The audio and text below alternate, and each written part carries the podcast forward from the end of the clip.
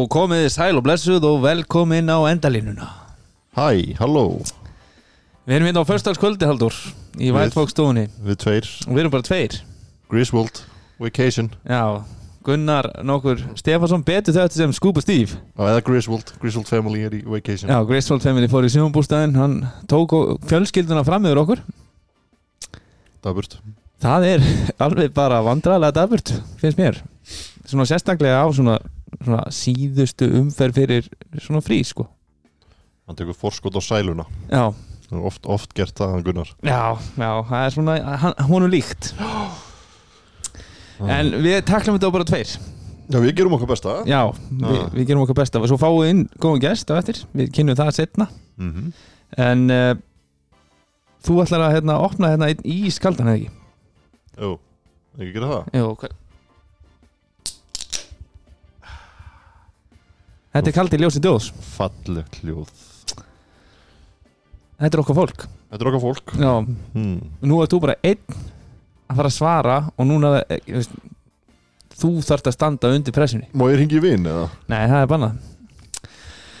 Þessi spurning eh, eins og oft áður þá höfum við nú tekið spjalli við eh, hérna, fólki norðan heiða í brugsmiðu kalda og, og þau voru spennt fyrir svona yfirleitt er þetta prime time alltaf hjá þeim. Það er svona starfsmannaparti á fyrstum og horta á leikinn sem er klukkan átta Já. og þau eru búin að hald- halda upp á Jón Arnór Stefansson í mörg mörg ár hérna fyrir norðan Mm -hmm. finnst hann alveg aðeinslugur Já. og þau fóru svona að velta þessu fyrir og fórum aðeins yfir ferilin og þess vegna spyr ég þig Halldór nefndu mér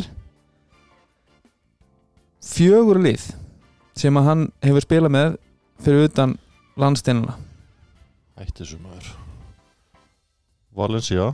Jú, Dallas Mavericks. Ég vil eiginlega ekki gefa það rétt fyrir það. Uh, Hvað hétta hann uh, rúsneska liði sem hann spilaði með mér Þetta er geitin sko. Ég veit það.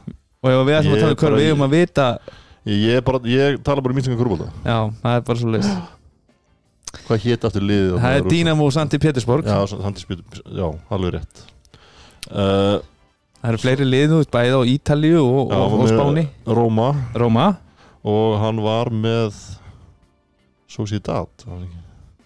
Nei, Ekki- það er annað svona sem er kallað Real í, í, í fótbollanum uh, Nei, það er ekki koma. Það er Saragossa, Saragossa, alveg rétt. Það er Unicaya Malaga það er uh, Napoli Benetton Treviso. Já, ég Við erum nefnir þetta, þá maður með þetta Já, Trier í, í, í Þýskalandi. Alveg rétt Það er byrjan. Já, alveg rétt. Náttúrulega eðal ferill hjá, hjá geitinni. Og hann heldur betur stóð undir nafninu í kvöld, við getum sagt það. Já, hann var bara bara solid. Já, ég ætla, ég ætla einmitt að bara til að fagna þessum sigri sem við tölum nú um eftir smástund og ætla að fá mér hérna einn rauðan whitebox Já, það er bara til heiðus valsmennu, þeir eru mættir. ga- gamli tímar hjá þér Já, við vildum klappa fyrir valsmennum Já. Já, þeir fá, þeir heyra aldrei svona, það mætir aldrei neitt í Origo. Þannig að við ákveðum að klappa fyrir þeim, þetta var frábæð framist En eins og öll á Íslandi og allir í íslenskum körubólta þá uh, erum við að bæta við okkur. Já, Það er ekki bara nýr kanar og Evrópumenn Nei, við erum líka að sæna. Er við erum að sæna grimt. Og það er okkar fólk í sindum mannitóri Já. Og þú komst hérna inn í kvöld náttúrulega bara hrikalega vel klættur Sjálfsögðu. Þú lappaðir það ekki hérna yfir? Að sjálfsögðu, þetta er hérna, maður er ekki að fara að taka bílinn. Nei, Þetta og, og, og hvernig er sindum manni að klæða? vel. Þér er hlýtt? Já, ég mér er lít Ég er bara misti örgulega kíló á leiðinni. Já, sindum manni stendur við baki á körballafjölskyldunni eins og við höfum heyrt Já, uh, Big Hess eins og hann er þektur eða Antoni Hester, hann er búin að fá úlpu og, Það og, eru úlpur út um allt í deildinni. og, og einhverju fleiri formenn voru búin að fá úlpur. Já, já, en það sindum manni svona, það bara heldur körballafjölskyldunni hlýtt Í hlýjunni. Já, í hlýjunni. Það er bara þannig. Heldur hitt á okkur. Já. En herðu, ef við ekki bara henda í þetta? Held að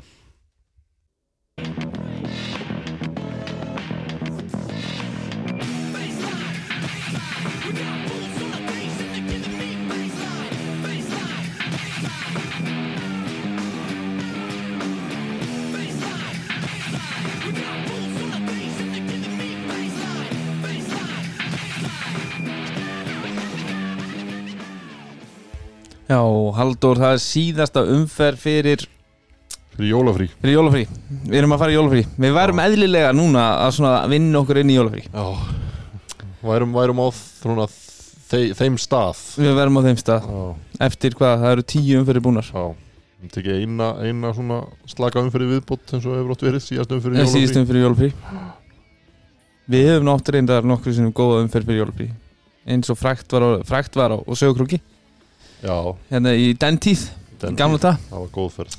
En við ætlum að halda okkur við uh, þann sið sem við höfum verið með hérna nokkur sinnum og það er leikur umfærinar og uh, þínu menni Keflavík, þeir mættu í fámenna Órik og Höll í kvöld. Mættu þér? Já ég, ég veit það ekki. Það er uh, svo sem hægt að spyrja sig að því. Þeir, þeir voru allavega í sjónarpinu Þeir voru í sjónvarpinu. Þeir voru svona eins og draugar í sjónvarpinu Þetta var bara Við erum búin að tala um andlösa varsmenn Það er bara snýrist við. Það var fullt af andi í varsliðinu og keflíkandi gjössalega andlösir Er ekki bara svo auðvelt að peppa sig í núna síðasti leikur fyrir frí og þú ert búin að vera í algjöru vonleysi eins og við höfum nú talað um valsmennina að eitt leikur fyrir frí og þú fær kepla ekki heimsótt sem að allir eru að tala um sem svo frábærir og, og nánast ósýrandi uh, og líta best út og eru bara yfirbörður og bara eitt slis þarna mútið stjörnunni er ekki auðveldar að peppa sig í þann leik heldur en ef að þeir hefðu fengið þú veist Þóra Akurur þarna í heimsótt núna í síðasta leik fyrir frí. Uh, Eflaust Eflaust En hérna uh, Ég átti ekkert frekar vonaði sko að þeir myndu gera það fyrir leik en þeir fundu anda og, og hérna uh, já, ég myndi halda að það hafi líka verið sko fyrir keflinguna hefði ótt að vera auðvelt að gýra sig upp í leik þar sem að stjarnan tapar í gær.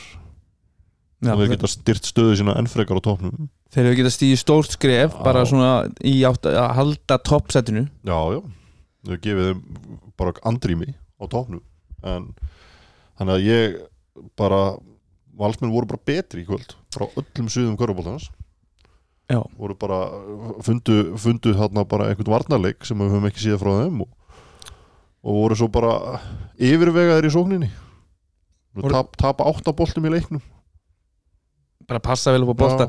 En mér, mér fannst eins og við höfum svo sem rætt áður hérna sérstaklega í öllu þessu þessu hraðmóti að eftir að svona fyrstu þrjára umfinnar eru búnar að þá er þetta rosalega mikið barátt um hvernig þú byrja leikin og mér finnst uh, hvernig Keflavík kemur inn í þennan leik er bara allt annað heldur en þegar koma inn í leikin á móti tindastól bara orkulevelið og, og svona intensityð sem kom inn með á móti tindastól og byrja þarna eitthvað 11-0 eða 12-0 að í kvöld þá var bara ekki sami andifi það var ekki orkan og það var einhvern veginn ekki uh, svona, þeir voru virkuðu þingri mm -hmm.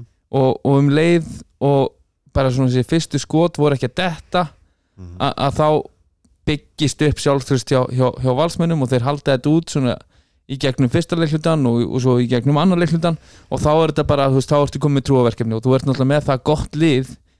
Og ert með Jón Rótnór, þú ert með Pavel sem að mætti og, og, og spilaði sinn besta leik bara held í valstreyjunni Já, líklegast. Já, og svo ertu með Jón einhvern veginn ferskar í allan leikin heldur hann hefur verið. Hann er ekki að, að þurfa að fara og, leita sér að körfum þetta er miklu meir í flæðinu og það hjálpar að hann sé ferskur þegar það eru tvær mínútur eftir að leiknum. Þegar eru fimm mínútur eftir að leiknum frekar hann að vera eins og við höfum séð bara hann er bara skipt bara út af byrju, eða ég bara snemmi í fjóraleikundum þess að hann er bara búinn á því. búin á því. Þannig að það veit ekki á gott og náttúrulega bara frábær sigur á valsurum, valsurum og án Kristó án bandaríkjumanns án bandaríkjamanns sem er á leiðinni það er náttúrulega allt talað. Þannig að þetta er hrikalega stert fyrir þá og hrikalega mikilvægt. Þetta er náttúrulega, getur verið krúsjál fyrir þá inn í, inn í þessa pásu og gefa þeim bara smá búst. Uh, við vitum náttúrulega að það eru gæði í þessu liði.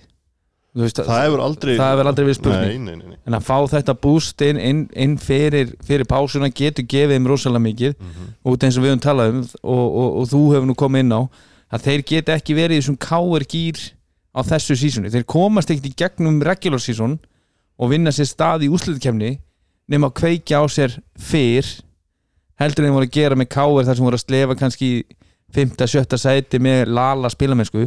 Lala spilamennskan í ár er bara fall. Já, já, þú sér það bara eru öll lið búin að vinna lámar tvo sigra. Það er eiginlega bara magnað á þessum tíma. Og bara að, að, að þú veist, þetta, þetta kanaleysi þeirra fram að þessu. Þessi sigur hjálpar því að líta örlítið betur út Já, ja, upp á vissu marki Upp á vissu marki, ég er að segja að þú veist, Mér finnst þetta ennþá tapa- Mér finnst þetta ennþá náttúrulega vera alveg galin ákvörðun að vera ekki komið en að mann fyrir en, þetta, svona hjálpar þeim aðeins að róa hugan held ég Já, ákvörðun. Uh, Hjalti þjálfari kefling að tala um fyrir leikin að, að, að þeir myndu vilja keira þessi praðan uh, Ég er á því að svona í, í gegnum gáð keflingarnir eru bara betri þegar þeir spila skipulega bolta. Ég sagði nú að, veist, út af það er alltaf verið að tala um þess að kefla ykkur hraðlest að kefla ykkur lið í ár og í fyrra er bara nýr stíl af kefla ykkur körlubolta er, þeir eru virkilega sterkir hafkort þeir vilja spila skipulega þeir vilja spila svona upp á sína styrkleika. Þeir, þeir eru auðvitað með lið sem ennþá þú veist, jackar að galopnum þristi við transition.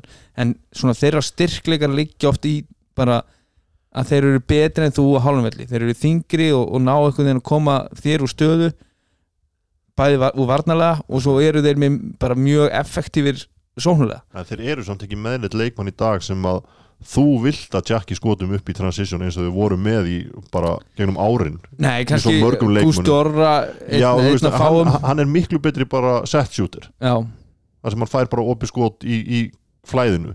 Saman með CJ veist, frábær skotmaður ef hann fær hann einhver stöður í flæðinu.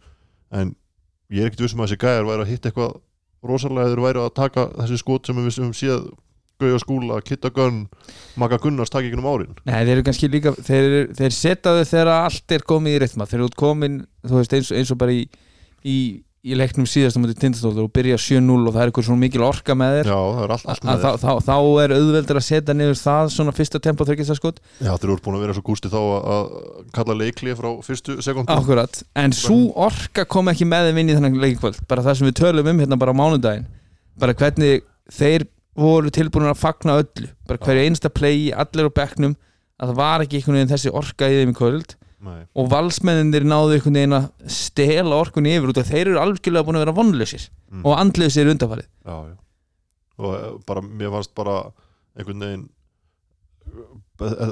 kemlingarnir voru einhvern veginn eins og þeir væri að spila á móti vansliðinu sem hefur verið að spila í dildinni fram að þessu. Þeir áttu bara von og meira því sama frá val og það var bara högg fyrir þá þeir eru komin í leikin mm. og Valur eru með kraft.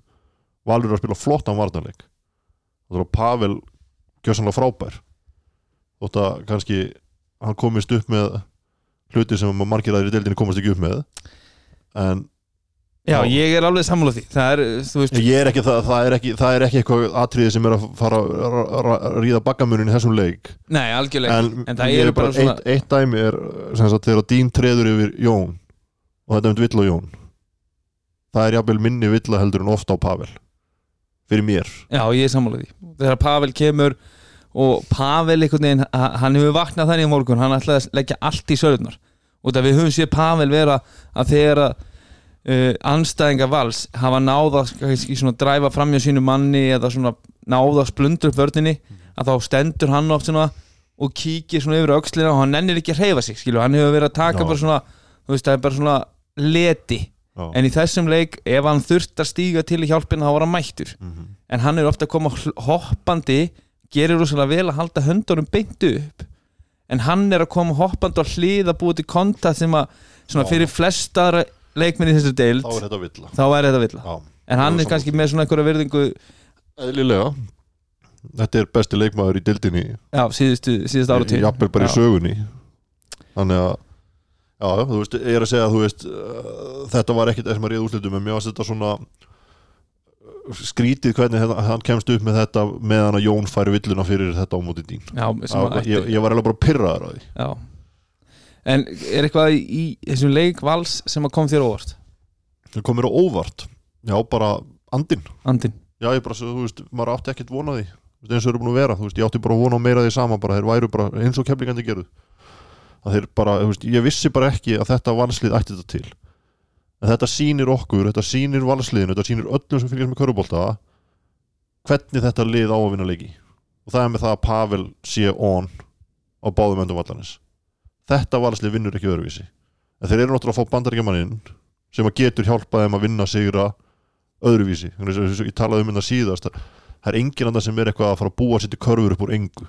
Nei, kannski Cardoso mest og hann, mér varst hann gera rosalega vel í kvöld að búa sér til skot og var, var dölugur líka að sækja og fá alls konar skiptingar og var svona að draga sér út og drippla út aftur þegar mér varst þið vera svona aðeins skinsamari Já, það voru að stjórna leiknum bara. Þetta er bara, þetta er bara kontról á leiknum. Þú ert ekki að fara að taka einhverjar ákvarðanir einhverjum þar sem þú ert með 50-50 ákvarðun þú tekur bara ákvarðun þú ert vissum þá að fara að gera réttar hlutin og það er það sem hann var virkilega góður í og hann getur farið að körfun og þetta sko. En ég er ekkit vissum að það sé leikurinn sem að Valur getur treyst á gegnum heilt sísón að þeir þurfa þennan bandaríkjaman til að hjálpa sér í því. En mér varst bara þetta er auðvitað að horfa hann að leik að, og eins og var nú talað um fyrir leikin að Valur þyrfti svona nánast uh, smá kraftaverk. Auðvitað þyrftu þeir að ná að hæja á leiknum og, og, og kontróla tempóinu en þú veist þetta keflaguðu sem við séð síðustu vikur að hefðu átt að mæta gegn vangbrotnum valsmunum og taka örgan sig með sér heim en svo þegar eftir þú leikurinn spilast að þá finnst mér einhvern veginn valsliði mögulega mattsa einhvern veginn miklu betur upp móti Keflavík heldur en móti mörgum öðrum liðum í deildinni. Já, já. Alveg rétt og sérstaklega úrst eins og þú segir ef að Pavel er, á, er þetta reyfanlegur og, og tilbúin að- að taka þessar þessar þessi bömpa og milka aftur og aftur og þetta það, það með því þá geta þeirra og mattsa vel á móti þeim en varsliði sem við höfum séð vikurnar á undan það mattsar ekki vel á móti neinum. Akkurat, nei, veist, það, er, það er bara þetta, veist, það vantar bara þetta effort bara að leggja sér fram. Og það var það sem við sáum frá fyrstu mínúti í dag. En ég, ég held samt að ef, ef, ef þú setur þú veist, þú ert með tvo landsleismenn þú ert með Pavel og, og Eikoks ef, ef þú tekur þá og setur Eikoks upp í stúku og Pavel og hérna, nei, Eikoks inna og Pavel upp í stúku þá valur ekki breykinleik, finnst mér. Bara svona, út að Eikoks býr ekki til sömu svona, þú veist hann býr til önnur matchup vandræði kannski við Keflavík en matchar kannski ekki það vel upp á móti til dæmis Vil- Milka og, og er öðruvís í, í hvernig hann tekur kontaktin í kringum varnarmaður, körfuna sko, sem að mér finnst vera kannski stærsta atrið í þessum leik. Þó að Milka hafi þú veist, gert vel og skilaði ykkur um 25 stugum Já, hann er með 5 tapa á bolta og veist, þetta var ekkit, þetta var ekkit sérstakur leikur hjá hann Nei. þú veist, bara 25 stig fyrir hann er bara svona naður degja dög affi sko. þannig að mér fannst hann ekkit sérstaklega góður í kvöld. Nei. ekki, ekki frekar en kannski aðrir í þessu keflækuliði það er bara allt og margir hann sem voru bara ekki að skila neinu. En Burks, frendiðin mér fannst hann bara slagur. Já, hann, hann, hann skilar 15 stigum og með ágættu skotýtingu en mér finnst vanta þar einmitt einhvern, einhvern svona keflingar ekki hafa neitt á kantinum sem getur búið sér til körfur. Að þegar þú veist, ég horf alltaf á þetta þannig að við erum að tala um að Valur er kannski aðeins að ná að stoppa Keflæk aðeins betur í bara tjakkunum niður og milka þar sem þeir eru með algjöra yfirburðin í teik eins og á móti uh, sumum liðum í sér deild og þeirra svona hafkort leikur og þeir gerðu vel að að hleypa hössa svona ekki inn í pick-and-rollið mm. að þeir voru að æsa á skrínu og senda nú utan á og náðu svona betri rotationi en þá vantar eins og þú hefur nú verið að minnast á munurinn á Khalil í fyrra og Burks núna Mhm.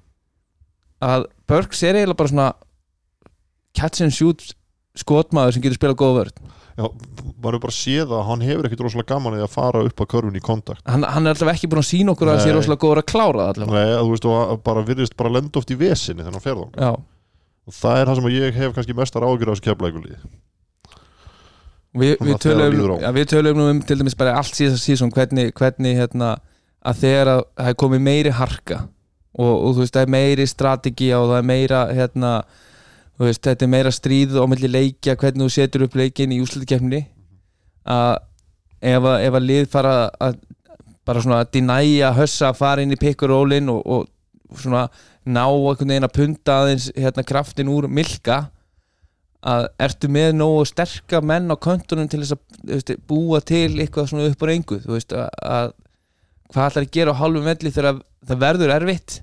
Að ertu með eitthvað svona sem að sprengir upp leikin og tekur, þú veist, getur farið og sótt körfur fyrir því þegar það skiptir máli? Eins og þú veist, við höfum alveg séð Börks skora 10-12 stíð í röð en það eru samt bara þristar skot kannski úr hotnónum Já, kannski líka eitthvað svona transition á transition opnu- eitthvað, á já, opnu þetta, velli þetta, og- þetta, þetta er ekki á bara halfkort Þetta er ekki Evan Singletary körfur sem hann er að setja, skilur við Nei, og, og það gæti orðið vandamál fyrir keflaug já ég, þeir þurfa að finna lausn allan á þessu. Þetta er svona allavega Þetta var uh, En eitt bara því klárunarleik að keflækur liðið eins og það er mannað í dag á móti valsliðinu sem var á skýslu í dag þeir eiga aldrei að tapa fyrir þessu liði. Og ég bara, eins og ég sagði á hann ég, ég skil ekki hvernig hugafarið eftir að stjarnan tapaði í gær getur ekki verið þannig að þú komir inn að leik og bara brjálaðir og ætlar að sækina sigur þannig að þetta getur verið rándýrt í uppröðinu dildinni þegar, þegar að við teljum upp köðsónum í lókin heldur betur, heldur betur. Þetta eru sérstaklega fyrir, fyrir þetta valslið án Eikoks og Já, Kana akkurat, ég er að segja það, þú að með þetta, ekki já, þá er þetta tvö töpu stig sko. það er út af því að ég, ég, veist, það er náttúrulega, þú veist, þetta eru það sterk lið alltaf, það er erfitt að segja tvö töpustík, en jú, það er, þetta er sem við komumst næst í að segja Já. hugsanlega. hugsanlega uh, Max Montana vinnuðin að mér, ég mér, hann var ekki droslega hress og kátur hann í fyrirháleik og satt bara á bekknum og var eitthvað svona vola farin að halla sér aftur og svona fannst allir var vondi við sig og, og fekk ekki að spila, hann spilaði þrjár mínútur í fyrirháleik Mm. af hverju spilaði hann bara þrjár mínútur í fyrirháleik? Uh, var ekki bara, hjalti bara óna með það sem hann var að gera á vellinum. Hann var að skjóta, Það var með eitt skot á þremur mínútum. var að tóka bara eitt skoð í Mér- ok, mér fannst þess að það hafi verið tvö þarna sem hann tók, en allavega þá fekk hann líka tvær villur og þær voru bara slökvörn og bara setna fótunum. Og hann þarf bara að gera betur og hann þarf að spila í þessu liði. Ef hann þarf að vera þarna. Það kemur inn á í setna áleik veist, og spilaði síðan líka svona kannski rusla mínútan þannig endan eða, eða svona þegar keflæk er kannski í ykkur svona heil meri að reyna að koma síðan í leikin og hann er að taka úr skot. Og, og endar með kannski svolítið vont tölfræðbla 0-5 og, og hérna fjóra villur og mínus 18 á Já. 12 mínútum. Já, þetta er, þetta er ekki gott en hérna, ég er full að trúa því að hann geti alveg hjálpað þessu liði sko. þegar hann er kannski komin í gegnum aðeins fleiri æfingar og, og hérna, komin inn í sitt hlutverk. Þú veist eins og það, þú talar um hann sé hálgeri fíl á bekknum. Hann getur ekki verið í því. Hann er ekki komin hann til að spila 38 mínútur. Og hann þarf að gera sér grein fyrir því. En vonandi sig á því. Já, ég er að segja það, ef, ef, ef ekki þá gæti þetta verið vesen? En það verður frólægt að sjá hvort að hérna, veistu, eins og núna er hann að koma að bekknum. Alveg eins og keflaði gerði með Colum Lawson í, í fyrra eftir að hann kom um jól og hann byrjaði á svona að koma um bekknum. Og svo, en svo eftir ykkur 5-6 umfyrir þá var hann komin og síðust umfyrir þá var við hættum út af uh, COVID og þá var hann byrjað að starta. Hann var náttúrulega bara vannsýn í liði líka. Með því að vera, þú veist, hann var aldrei einhverju fíl á bekknum, hann kom inn og bara skilaði nákvæmlega því sem var verið að leita eftir spilaði vörn, setti opinn skot og var frábær. Það er það sem þið þurfa að fá þessum gæða ég- hafa keflingar einhver, á, einhver áhyggjur núna eftir þetta tap? Er, er þú sem keflingur þú veist, eins og ég segi, bara í þessum tveimur tablegjum, þá hefur mér fundist vanta þennan mann á kantinn sem getur búið sér til körfur út úr engu. Mér fannst Börg sem múti stjörnunni verið vandrað þegar hann fór upp á körfunni mér fannst hann ekki bara góður í kvöld mér fannst hann bara þú veist, ég þegar ég skoðaði þessu tölfræðin eftir leik þá var hún, leit hún betur út heldur en átti vonu í rauninni. Þú veist, hann er að skjóta, hann er með 46% skotnýtingu. Ég hefði haldið að hún væri verri. Já. en kannski, kannski á hann það til að gera, gera meira af þessu. Veit það ekki, en til. hann verður að sína á. Herru, þá er uh, það er bara lokið um þennan leik bara til hamingju valur. Við erum Já. eftir, loksins. Velkomin Pavel. Velkomin Pavel Ermolinski. Uh, Við ætlum að kíkja næst uh, um norður. Já, Hann var Þórsara slagur já. Það er bara að byrjum á því að fara yfir töpja á mínum liðum. Já. Við, Þetta er svona, þið tóku mig hérna nú síðast.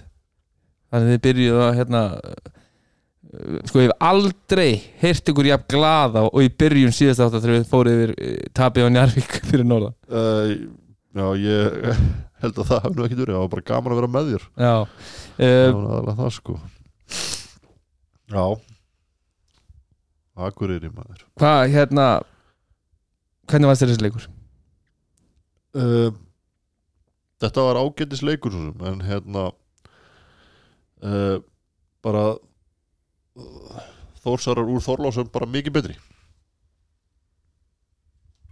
Já, mér fannst sko, mér, mér fannst bara hérna mér fannst þeir svolítið mistakir til að byrja með akureyringarnir. Já. Og En uh, mér varst líka sko að það skapaðist vegna þess að Þórsarar voru að gera virkilega vel varnarlega. Þeir voru að loka vel á Ívan til dæmis. Voru að doppulja bótt trippultíman og hann átti erfileikum að koma bóltanum út. Og þegar að þessir aukaleikarar í Þórsliðinu er ekki að hitta þá eru þau bara í vandræðum. Að þeir fór 60 á bekknum sem er bara ekki nógu gott Þú veist, Nei svona he heilt yfir sérstaklega þegar, þegar, að, veist, ef að það er kannski ekkit verið að spila neina eitthvað, eitthvað, eitthvað skrítið varnarabri og þetta er bara svona kannski meira einn og einn matchup út um allan völd þannig að þá er mér svo sem alveg sama ef allir hinn ná að skila uh, þú veist, dagsverkinu. En, en það vantaði bara upp á út af því að þeir, þeir ná að koma leikmennum eins og Ivan Grimma að vinna okkar aðeins úr takti með því að þú veist doppel og triple tíman og, og voru að skilja menn eftir að opna og, og þeir voru ekki, ekki tilbúinu til þess að koma og refsa fyr, fyrir það þá er mjög erfitt að eiga við þetta þórslið Algjörlega, alveg rétt. En, en Basil, þú veist, hann er náttúrulega búin að vera hreikalega góður, enda með 22 stíð í gær. Mér finnst hann stundum með að gera meira og, og hann er stundum að veist, út af því að hann hittir bara nokkuð, veist, hann er með 3 af 8 þryggja og mér finnst þryggjast að skoða að líta vel út. En Já, það lítur allavega betur út en hjá frendans Sretjan já.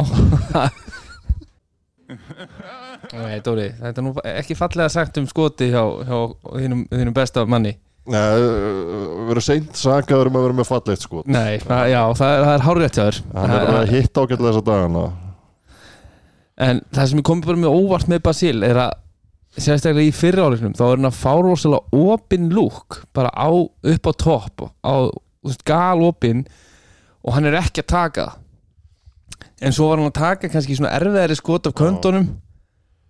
Þú veist, ég er að pæla í svona af hverju, af hverju þú veist, þetta er, svo- það eru ekki margir svona bakkar í deildinni, þú veist, ka, þú veist kaninn og þú ert þessi skorari og þú ert að taka fullt af þryggjastaskotum að segja nei við þessu skotum. Og það er tvís og þrísar í fyriráleik er hann bara galopin engin varnamæður í honum og hann er bara svona á þryggjastileginu upp á topp sem að fyrir flesta er bara svona þú veist, þannig þægilegast að þryggjastaskoti sko. Já, akkurat, en það veist, er, er ekki bara málið að þeir eru svolítið svona uh, mikið að, það er þeir eru mikið tveir í þessu að draga þetta lið.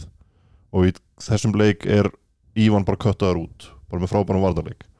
Og það er samt alltaf verið að re- reyna að finna hann og koma hann í gang. Já, þannig að þú veist þurfa bara að lesa þetta betur í svona leikjum ef, ef þeir lenda aftur í því að það sé bara gjössanlega tekin út að neitt maður að Basil þarf þá bara að gera meira. Og eins og segir, hann á kannski að vera að taka þessi lúk frekar en mörg önnur sem hann tekur. Já, já, já ég er sammála því. E, og me, meira að segja sko bara krediti á, á Þór Þólasöf fyrir þeirra, þeirra vörn bara á lalla fyrir bara uppsetninguna. Já, hann er búin að gera þetta núna nokkur sinnum Mm. þar sem hann er búin að koma bara með virkilega flott leikplan inn, inn í leikin og, og það skipti engum máli Drungilas fer hérna út af sne, með tvær villur held ég svona lók Já. þar eru þið þá með lítið lið inn á. Og, og ég, ég, tó, ég var svona að pæla í því hvort að hérna, hann myndi kvíla Ívan á sama tíma eins og þú sérðu oft. Já, en hann held Ívan inn á vellinum. En þeir náðu einhvern veginn samt ekki að notfara sér það nóg að Ívan var þarna komið með töluverða yfirburði inn í teig. Þó þetta hefur kannski ekki verið rosalega langu tími þá, Nei, hef- nei. þá hefur maður hugsað að veist þeir gætu búið til bara stig eftir stig eftir stig. Mm En- en kannski svona komið sér betur inn í leikin hann já, en, en hérna þessi bara, þú veist, heilda framistæðan hjá, hjá Þór bara virkilega öflug og, og þeir eru að fá bara þetta liðs svona framlega Haldugar er náttúrulega ekki neinu takt. Nei, alls ekki. En, en, en eins og ég segi, þú, þú ert bara komið með aðra leikmenn sem er að spila hrikalega vel. Raki Braga er að spila bara eins og bara kongur. einhver kongur sko. Já. bara viku eftir viku. Og það, það er ekki Mér finnst líka svo gaman að sjá hvað hann er orðin svona skinsamur Hann er ekki að taka svona oft verið að taka vittlusar ákvarðanir. Gera eitthvað sem hann á ekki að gera. Hann virðist bara alltaf núna vera að taka rétta ákvörðun Já, hann er, þetta er bara svona dæmi um leikmann sem að hann hefur svo sem alveg verið sérstaklega í 4 pluss 1 í, í, í ágæ, ágætlega stórum hlutverkum. En hann er einn af þessum leikmannu sem er að þú veist, nánast að bæta vissi í sterkari dild Já, og er bara svona sent þú veist, þetta er ekki núlingur nei, nei, að hann er svona að taka framförum á þessum aldri sem að ekkert margir leikmenn eru ofta, þú veist, taka ykkur risaskref. Nei, það er náttúrulega þú veist kannski það, hann alltaf verið með hæfileika, við höfum alltaf séð það. Það er, það er þetta að taka réttar ákvarðanir vera skinsamur finnast ekki svo þú þurfir að vera aðal kallinn já og, heldur að þú getur blífað í góðu liði. Og svo er einhvern veginn held ég að hann sé líka bara í aðeins betra formi. Mér finnst hann snegra löpunum og, og Já, einhvern veginn að varnarleikurinn hans er mikið betri. Varnarleikurinn mikið betri og hann er einhvern veginn skinsamari og, og klárari á varnarvelli heldur hann var. Já, já. en hvað hva finnst þér um, um, um Þórsorna þeir eru náttúrulega búin að taka núna nokkra sigra er þetta eitthvað áhugjefni fyrir þá? Hvora þósar hana? Já, Þór frá Akureyri Já, frá Akureyri. Fínir menn Nei, þetta er ekkert áhyggjöfni eða þú veist uh, það sem ég hef kannski mestar áhyggjur á, þú veist maður viss alveg að þeir eru að fara að tapa leikjum en mér veist svona uh, kannski minna effort sem er bæði í þessum leik og í þessum hattarleik sem tapast heldur en í mörgum öðrum leikjum hjá þeim. Já, og mér finnst það svona mér finnst svo leiðir þetta að sjá það ekki í þessum leikjum. Þú veist, þeir eiga einhvern veginn að vera þú veist, þeir, þeir, þeir þurfi einhvern veginn að koma alltaf inn í leikina sem litla liðið. Finnast þeir vera þannig. Og mér fannst svona, eins og segi, bara effortið ekki eins og maður myndi vilja sjá það það, hann talar náttúrulega um það uh, Bjarki í viðtalinu eftir leik þar sem hann fer svona, svona þuldi upp tölfræði þullt upp törfræðarblæði þar sem hann er að gátta sig á frákasta baróttinni já, að þú veist það vantaði bara effort. Það er, já, það er bara, bara nákvæmlega þannig. En svona að lokum Gí Landri já, mér finnst þetta helviti skemmtilegu leikmaður að sjá. Þú veist, Já, þá bara á velli þá er hann bara með fullt af alls konar hlutu sem að mér líst vel á en hann, mér finnst hann ekki bara vera inn í neinu. Nei, ég er alveg sammála því þetta er alveg, þetta- þetta er uh, sko, einhver sem hefur kannski ekki verið að skora mikið af stegum í fyrirlin hann hefur verið að gera svona verið bara eins og þessi hluta liðseild og það er nákvæmlega það sem þeim vantar þarna. Bara mann til að koma með, þeir eru náttúrulega með tvær svona súpestjörnur vantar bara fleiri menn til að koma og gera eitthvað. Og hann er alveg að fara að gera það og hann er búin að, búin að sína okkur það að hann getur, getur ímislegt og ég held að hann er eftir að græða mikið á þessari pásu sem hann er að koma. Já, þú veist, mér finnst hann eins og hann gerir bara á móti Njarvík og aftur mér að hann er að taka þrist af dripplinu, lítur bara vel út.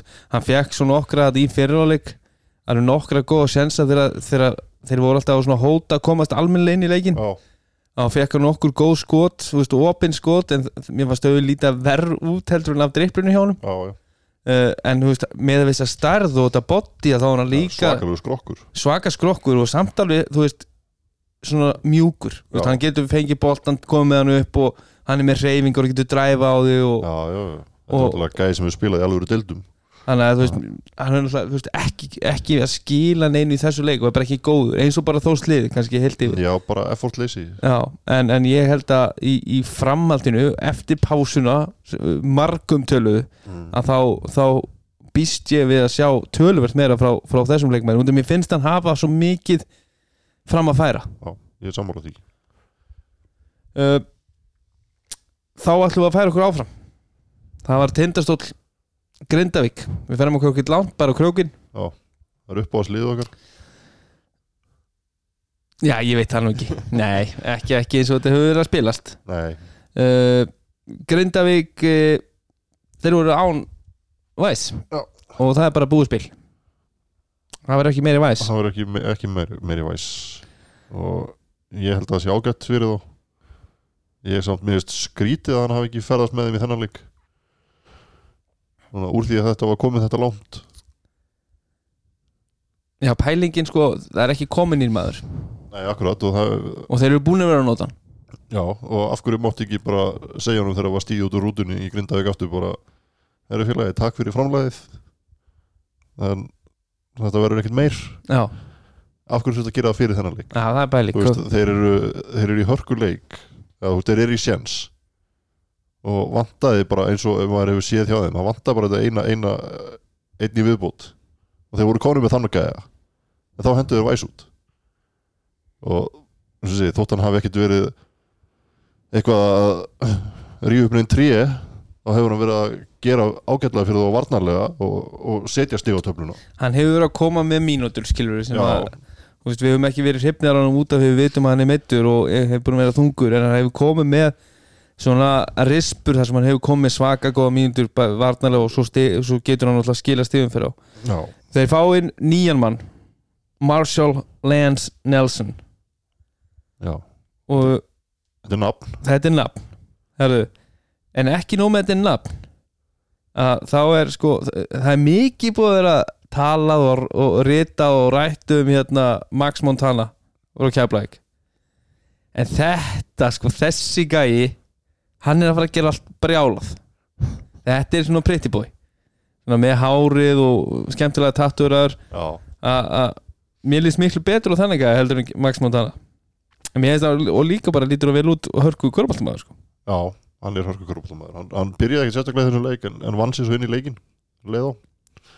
Og hérna, hann á eftir að vera bara flottur fyrir þá og kemur með hann er greinilega virkilega góðu skotmaður. Og það hjálpar alltaf. Það hjálpar. Það er, það það svona jákvætt í körubólta yfirleitt eða góðu Við skotmaður. Mælum með því að menn séu góðu skotmenn.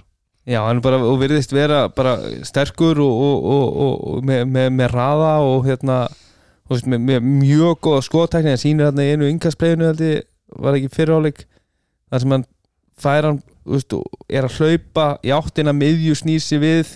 Já, og setur þryggjast að skotið þetta er mjög erfitt svona tæknilega séð. Já, bara skot jafnvægi og skot tæknin er mjög góð. Uh þú þarft að vera góð skotmaður til að setja þennan. Já, uh, en þetta er náttúrulega eitthvað sem þið þurftu. Hann spilar 22 mínútur og er með 19 stig. Og, og þetta er eitthvað klárlega sem þeir þurftu til þess að aðeins að kofura það sem þeir eru að missa í náttúrulega fyrst sigtryggi og síðan með degi. Já. Já, já. En, en Daniel sagði nú í viðtalinu að þeir, þeir væru að, að finna arftaka fyrir væs Já. Þannig að það eru bara spennandi tíma fyrir Grindavík. Uh, Hvenær kemur dagur tilbaka? ég veit ekki. Nei, Nei. Ég er, svona við fáum Danna til okkur inn í pásunni og, og, og tökum á já, stöðuna. Rífum það upp úr honum. Upp úr honum. En, en sko að þeir eru að fara að fá framlag skilu, fyrir þetta sísón ef ykkur hefði sagt mér að Þorleifur Ólason myndi spila 20 mínútur á móti tindastöl úti Hefur svo að gera það ekki og vera með 15 stig þá hefði ég sagt vera, hvað er að frétta maður? Eh, svona, Bara Þorleifur Ólafsson er bara einn af mínum uppáhald körubóltamönnum á Íslandi all time hann er geggjaður. Þetta er geggjaðu gæði Hann er svo góður í körubólta hann er með 15 stig 7 stafnstykar Já, og þú veist, og hann var hættur. Já, bara í tvö árið eitthvað. Já, og, þú veist, og, og svo kemur hann tilbaka í, í deild sem allir er að tala um her, þetta er bara sterkasta deild sem við séð og hann kemur og hann bara framkamir Þetta er náttúrulega bara, þú veist, hann er ógeðslega góður í körubólta Hann er geggjaður karakter. Þetta er alveg algjör snillingur í hóp Þannig að hann bara, já, eins og sé, bara einn af mínum allra uppáhalds. Já, eins og segi, þeir, þeir, eru að fá fram, finnst, þeir fá alltaf orku og framla frá, frá Björgunni Hafþór. Þeir eru alltaf að fá og Óli Óla er búin að vera að spila eins og engil undarfarið Kitty Palla KP, hann átti erfitt uppdráttar í gær og, og skýtur illa í leiknum.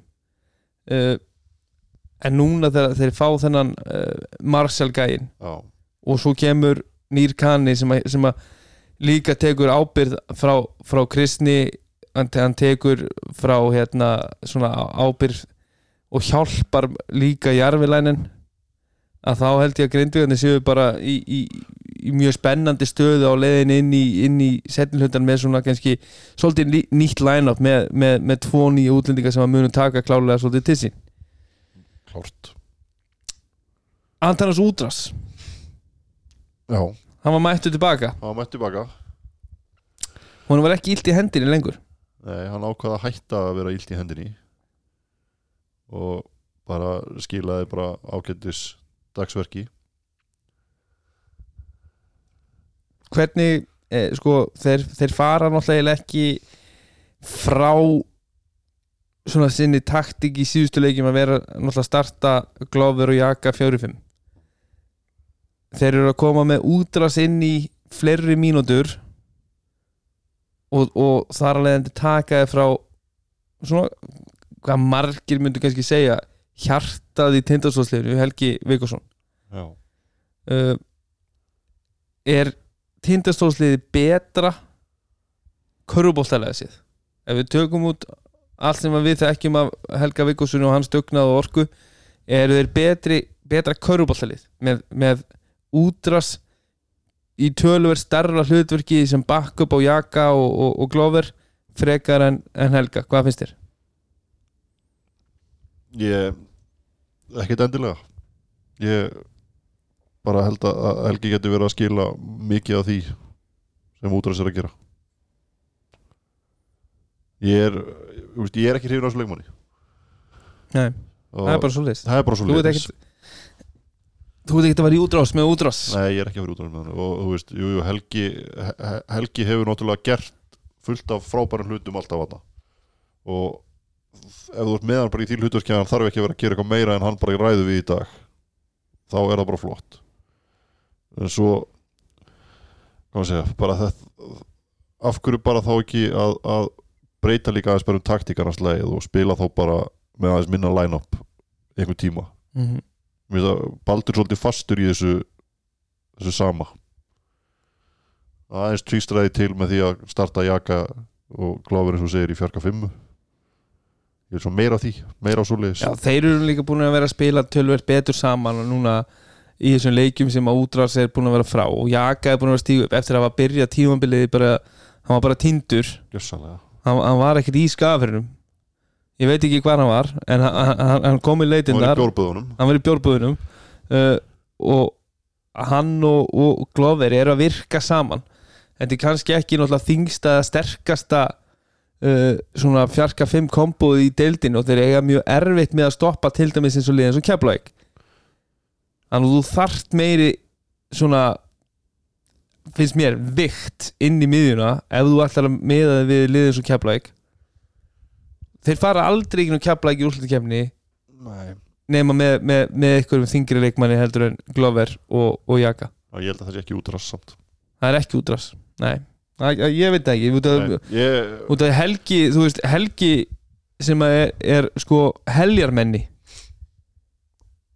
að hann átti ekki breyk í Milka í síðasta leik sko. nei, nei, það er náttúrulega þú veist það eiga það fæstir og eru búin að eiga frá því að, að Milka lendi hérna. Þannig að þú sem ekki að dæma það á því. Nei. Uh, Títt nefndur ég Nikolás Tomsik uh, var með 22 stig og, og 7 stóðsendingar. Uh, enn og aftur skjóta undir 50% hann er 7 af 16 ég veit ekki. Já. ég veit ekki. Nei, nei, þú veist og, og hérna svo sem uh, horfði á hann á Dominos tiltrifin og uh, allt rétt sem að Teitur segir, þeir eru ekkert að kaupa hann sem vartamann og þeir eru að kaupa hann til að skora. En ég er ekki vissum að þeir fari neitt langt á því að hann sé að dripla boltanum heil og hálfu sóknirnar og taka vonlega skot eins og uh, dettur oft í. Sáum henni stjörnunni fyrir þar sem hann miklu meira að koma á skrínum og annað og ég myndi halda að þeir myndu ef þú ætti að kaupa Tómsik þá myndur þú vilja koma honum í eitthvað svoleiðis hlutverk. Sérstaklega þegar þú ert með leikstundar sem er fær og vi- virkar bara tindur Já, ég, eins og ég segi, ég, ég er nú búin að vera að tala um það að mér finnst að hann er að fara heim að þeir eru að fá sér öðruvísi sem sagt erfenda leikmann, þetta er Nick Tomsik, þessi skorar típa úr Evrópu uh, hlutverki. Hann er, hann er náttúrulega að spila sem Evrópu maður þannig að það er kannski ekkit þú finnur þetta ekkit út um allt. Nei, nei. Uh, En þú veist, náttúrulega, þú veist, bara, jú, jú, ég er alveg á því að þeir getu alveg ge- fengið meira fyrir peningin í einhverjum öðrum gæja. Og meira fyrir minni pening af því sem þeir þurfa. Og Tom Six er frábær leikmaður. En það má líka bara breyta svolítið systeminu láta hann hlaupa á skrínum í staðin fyrir að vera að dripla á boltanum í heila hólu sóknirnar Þetta hann, láta, láta, láta sóknirna flæði gegnum Glover sem að er leikmaður sem að fáir er að stoppa. Þannig að Se- setja bara Pétur í pointin og, og, og láta kannski meira koma flæðið í gegnum glófur og, og, og sjá hvað uh, Tomsi getur búið sér til í kringum það, komandi af skýnum eins og segir, auðvitað hefur hann verið að setja niður þessi reisastóri skot, hvort sem hann var í stjórnunni eða Þór Þórlásum og í Þór Þórlásum var alltaf mikið að koma af þessi pikkuróli og, og leita, en þar var hann í bara slakara lið og hann, og hann þurfti þessi skot. Og líka þegar hann var að setja þessi, þessi skot hjá stjörnunni þessi skot sem hann hefur verið að reyna núna í fyrsta leikluta þegar það eru fimm minútur eftir eru skot sem hann var að setja í endan á öllum leiklutum. Hann var ekki að taka þessi skot í hverju einustu svo Nei, það, það er er, það er stóri munur þú getur alveg, alveg tekið alla tölfræðum hvernig hann byrjaði í Þór Þólásöfn og hvernig hann byrjaði í stjörnunni, þetta er bara allt annað. Hann er ekki þar núna, hann er á söðakröki hann á að vera, þú veist þeir keiftu þetta lið til að fara að vinna titil. Og mér finnst margir kannski þú veist, út af það koma nokkra sóknir þar sem hann gefur boltan og, og það kemur ágætt flæði að þá finnst mér margir bara þú veist, al, alveg fara að fagna því að þetta er bara alveg allt annað tindastólslið. En þú veist, auðvitað er hann ekki að taka yfir 20 skoti í þessum leik. Nei, nei. og það er alveg tölvöld betra flæði. En, en, en út af því að tindastól er ekki í þessu til að vera með. Tindastól er í þessu til þess að vinna hann stóra. Ég ætla að vona það. Út af því að þeir, það, þú veist, þeir væru ekki allavega eitt af tveimur dýrustu liðunum í deildinni ef þeir eru bara í þessu til og með. Sko, það er verið að setja allt í þetta til að vinna. Og ef við horfum á öll hinliðin að þá bara, hva, sama þótt að hann sé frábæri í körubolt og getur sett skot að ef að leikstillin er ennþá þannig eins og þú talar um að snúi svolítið mikið um hann að vera með boltan í höndunum og drippla drippla drippla þó að komi kannski kaplar í leiknum þar sem að liðið er að spila ágætlegin á milli en aðal þeirra aðal þetta, þetta, er, þetta er það sem þeir fara til að gera í flesta sóknir. Já, og þá ertu að frista sko fjóra aðra leikmenn á vellinum og þú ert ekki að frista ykkur fjóra bara leikmenn sem að geta ekki hjálpaði neitt heldur það eru alltaf fjóri leikmenn sem geta hjálpaðir í sókn þannig inn á hjá þeim. Algjörlega. Það eru leikmenn sem get, eru með veist góði leikmenn á, til að grípa á kantinum og skjóta. Er Pétur sem er góður í flestu. Þi- Glover sem er óstöðandi í tegnum. Akkurat. og þessi gæði að sjá ekki boltan heila hálfu sókninnar Ég allavega að segja það, þeir vinna ekki Íslandsmeitra til dæmis svona, þeir fara ekki gegnum fimmleikja serju á móti öðrum góðum liðum í deildinni nema að þeir setja upp eitthvað annað system. Já, e- e- ef þið ætla að gera það, þá þarf að sko Tomsik að vera að hitta rúmlega 50% í þessum vonlösu skotum sem er aldrei að fara að gerast. Og ef það gerist, þá má okkur koma og aukslinu á mér og segja mér einhvern manni miðan júni að ég hefði haft rámt fyrir mér. En, en ég held að það veri afar ólíklegt. Eh, sammála þá höldum við okkur á landsbyðinni við erum vinni landsbyðarinnar uh, það er okkar maður Viðar. Hann er bara að setja met. Hann setur bara met í hverju umferð. Bara í hverju einustu umferð þá er hann að setja bara ný viðmið á östfjörðum uh, hann náði sér náttúrulega í lagafjöldstormin Sigur Gunnar Þorstinsson fyrir þetta tímabil og þeir töluðu uh, hérna hátt um það að það væri bara markmið á, á úslitikefni þeir fá lélegasta lið deildarinnar eins og stanir í dag í heimsókn uh, og ég held að við höfum báðir spáð eða ekki hattarmennum sigriðsleik uh, Lítur að vera þeir unnu. Já, ég held að við höfum haft rétt fyrir okkur hérna uh, Við höfum rétt fyrir okkur Hattamenn unnu þennan leik og þeim er alvara. Þeir, þeir eru búin að fara að sækja enn einn útlendingin og, og í þessum leik þeir, þú veist, þetta var ekki ykkur haugarnir áttu fína leik. Uh, en okkar maður Gardia Ramos, hann sett hann svolítið í, í andlitið okkur. Já, hann gerði það. Já, svona að vissu leiti sko. Já, bara Vi, Við tölum nú um það sko, að hann ætti ekki að fá hann á þryggjasta línu allavega ég talaði um það síðast á móti Þó Þorlósöfn þá fekk hann á þryggjasta línu hann drævar á mann sem hann komst ekki fram á og endaði erfiðu húkskoti. Já, hann, hann hlustaði á þig. Uh, Hann ákvað bara að skjóta. Hann ákvaði að skjóta bara galopni skoti. Já, en hvernig endar hann svona galopna Já, það, það er, það, var ekki, það var ekki maður í húsinu nei, til að dekka. hann var alveg galopin uh, kannski förum bara beint í það stærsta atri í leiknum sem var nú einmitt fyrir þá sem hafa séð uh, Dominos tiltrifin í gær að Yngvi Guðmusson er að dræfi gennum teginu og er að reyna að gefa sendingu út í hotn boltinn er slegin frá honum og fer augljóslega af hattarmanni og út af svona að þú, að þú horfir á vídeoið og, Já, og öttur fer boltan og setja stærsta skoti í leiknum sem að við getum sagt að við bara unni leikin fyrir hattar með það var einstegs munur á þessum tíma. Já. Þetta er bara s- sorglegt að horfa upp á svona dóm. Klára svona leik. Þetta er svo rándýrt fyrir haugana fyrir hauka sem eru þú veist, einmitt búin að vera í þessu svakalega basli spila án, núna allan nánast fyrir hlutan án bandarisleikmanns uh, búnir að gera vel í 38 mínútur og eru bara í hörku sén svo erfiðum útivilli uh, fyrir austan. Á móti liði sem er búin að vera að taka núna flotta sigra. Að fá svona dóm á þessum tímapunkti og fyrir þú veist, fyrir Keflavík hefði þetta ekki skipt máli skilur eða stjórnuna eða eitthvað svona veist, eh, þá auðvitað hefði þetta verið leðalt og allt, allt það. En fyrir hauka sem eru núna að berjast fyrir lífi sínu að þá gæti þetta enda á að vera að risavaxið moment. Þetta getur bara verið mómenti sem að senda þá niður já. Það er Það bara er svolítið bara svolítið sko. Það- og það er risavaxið. Já, eins og svona bara þegar maður er búin að horfa á þessar umferðin og undanfari það hafa bara allir gott af því að fara í pásu núna hvort sem það séu leikmenn eða dómar já, allir út í smá þreytir Já, það verðist allan að vera þetta er, þetta er ekkit búið að vera neitt sérstætt ég er svona miða við það að þe- þeir eru að spila hérna án enn og aftur. Bandariska leikmannsins uh, þeir eru komin með mann og hann er á leiðinni uh, Hann er í frakt. hann er í frakt. Vi, við fögnum því við fögnum því að, að hérna Hilma Pétursson var að fá aðeins meira ábyrðum daginn. Og hann spilar í, í 16 mínútur í þessum leik. Uh, en af bekknum kemur Emil Barja. Og gerir rosalega mikið af uh, kannski, ég veit, eh, hann er kannski að gera eitthvað sem hann sést ekki. En, en hann er með 6 frákust, 3 stóðstíkar 0 stík uh, hann vinnur reyndar þessar 26 mínútur. Ef þú horfir á pluss mínus. Ég veit ekki oft getur alls konar svona tölfræði í, hérna platamann en, en hérna Asti Magnús Breisi er í 13 mínútum.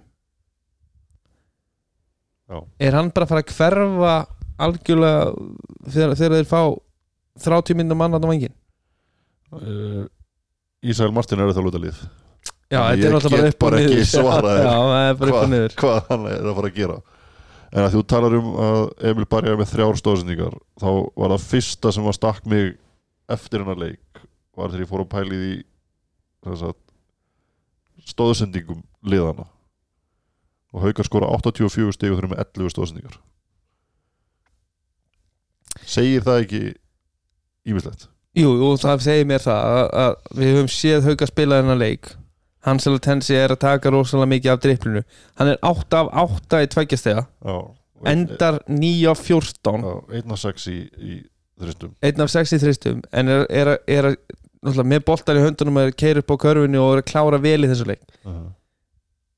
ef þú tekur þessa prósent aðeins niður og svo ertu með annan leikmann sem að hatar ekkert að skjóta af driplinu og, og í alls konar skotfærum, Yngvi Gummisson hann skýtur 50% í þessu leik 8 af 16 Já.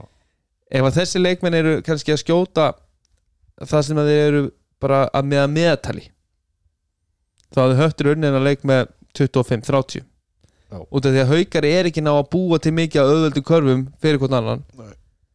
og þetta er rosalega mikið einstæðið framtak og eitthvað svona